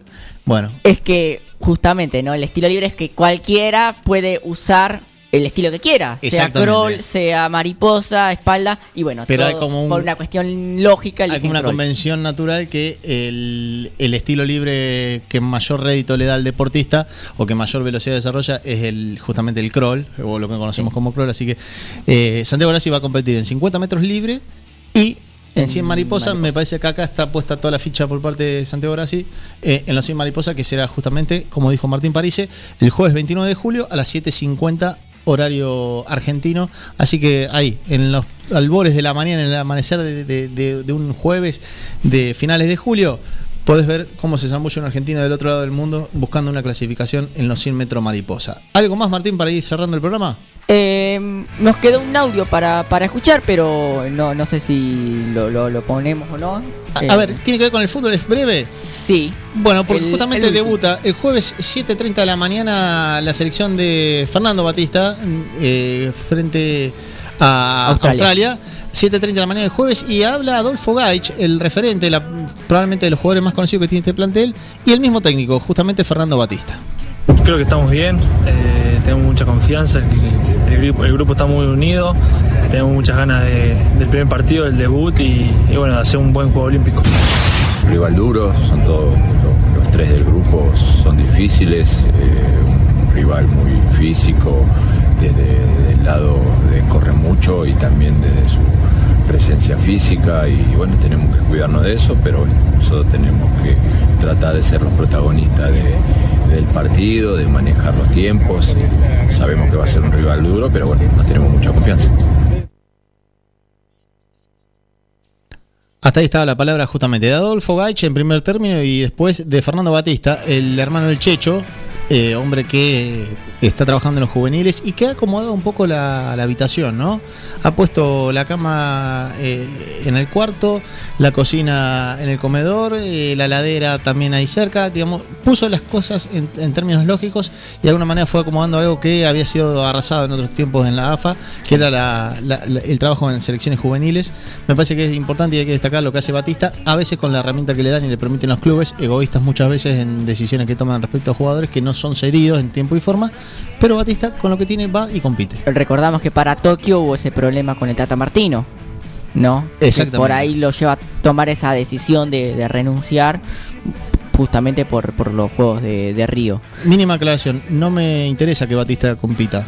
Eh, yo dije que compite. Batista es, formado, es un formador, básicamente. Eh, me interesa que sea justamente de carácter formativo lo que hace Batista en las juveniles argentinas. A mí, en lo personal. Coincido. Pero eh, en este caso, me parece que estamos hablando del sub-23. Ya son todos jugadores profesionales. El arquero tiene 28 años, Jeremías Ledesma. Adolfo Gaich ya tiene un pasado, eh, un presente en el fútbol europeo, italiano y ruso. Bueno, hay un montón de jugadores que son ultra profesional a los 23 años, así que me parece que en este contexto Batista es consciente que más allá de lo formativo va a competir a Tokio 2020 y lo hará a partir del jueves 7.30 de la mañana. Contra Australia. Bien. Después Egipto eh, el día domingo. ¿Y después? Y después cierra contra España. Bien.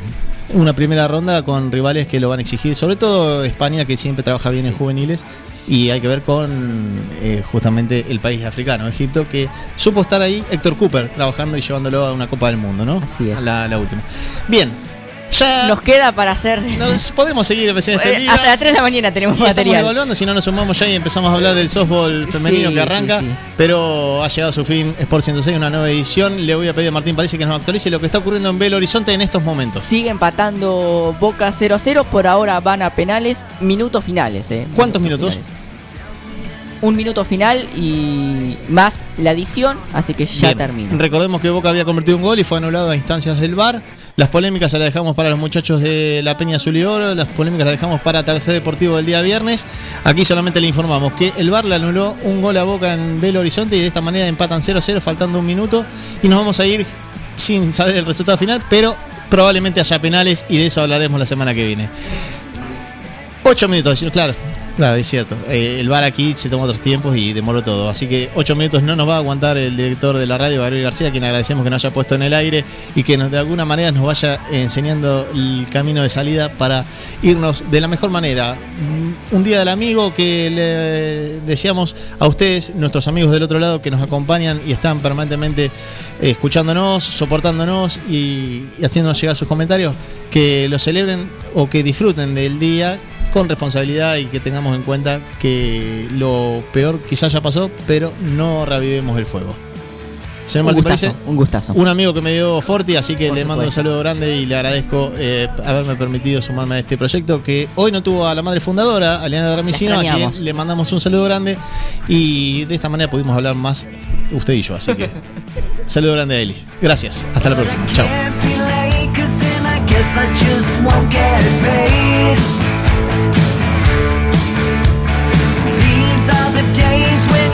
Your bed was already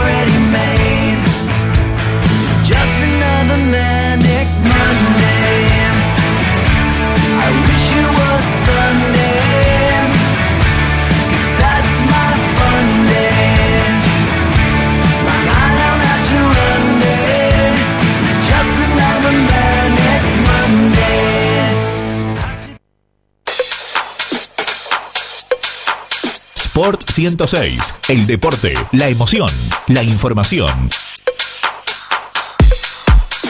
Sport 106.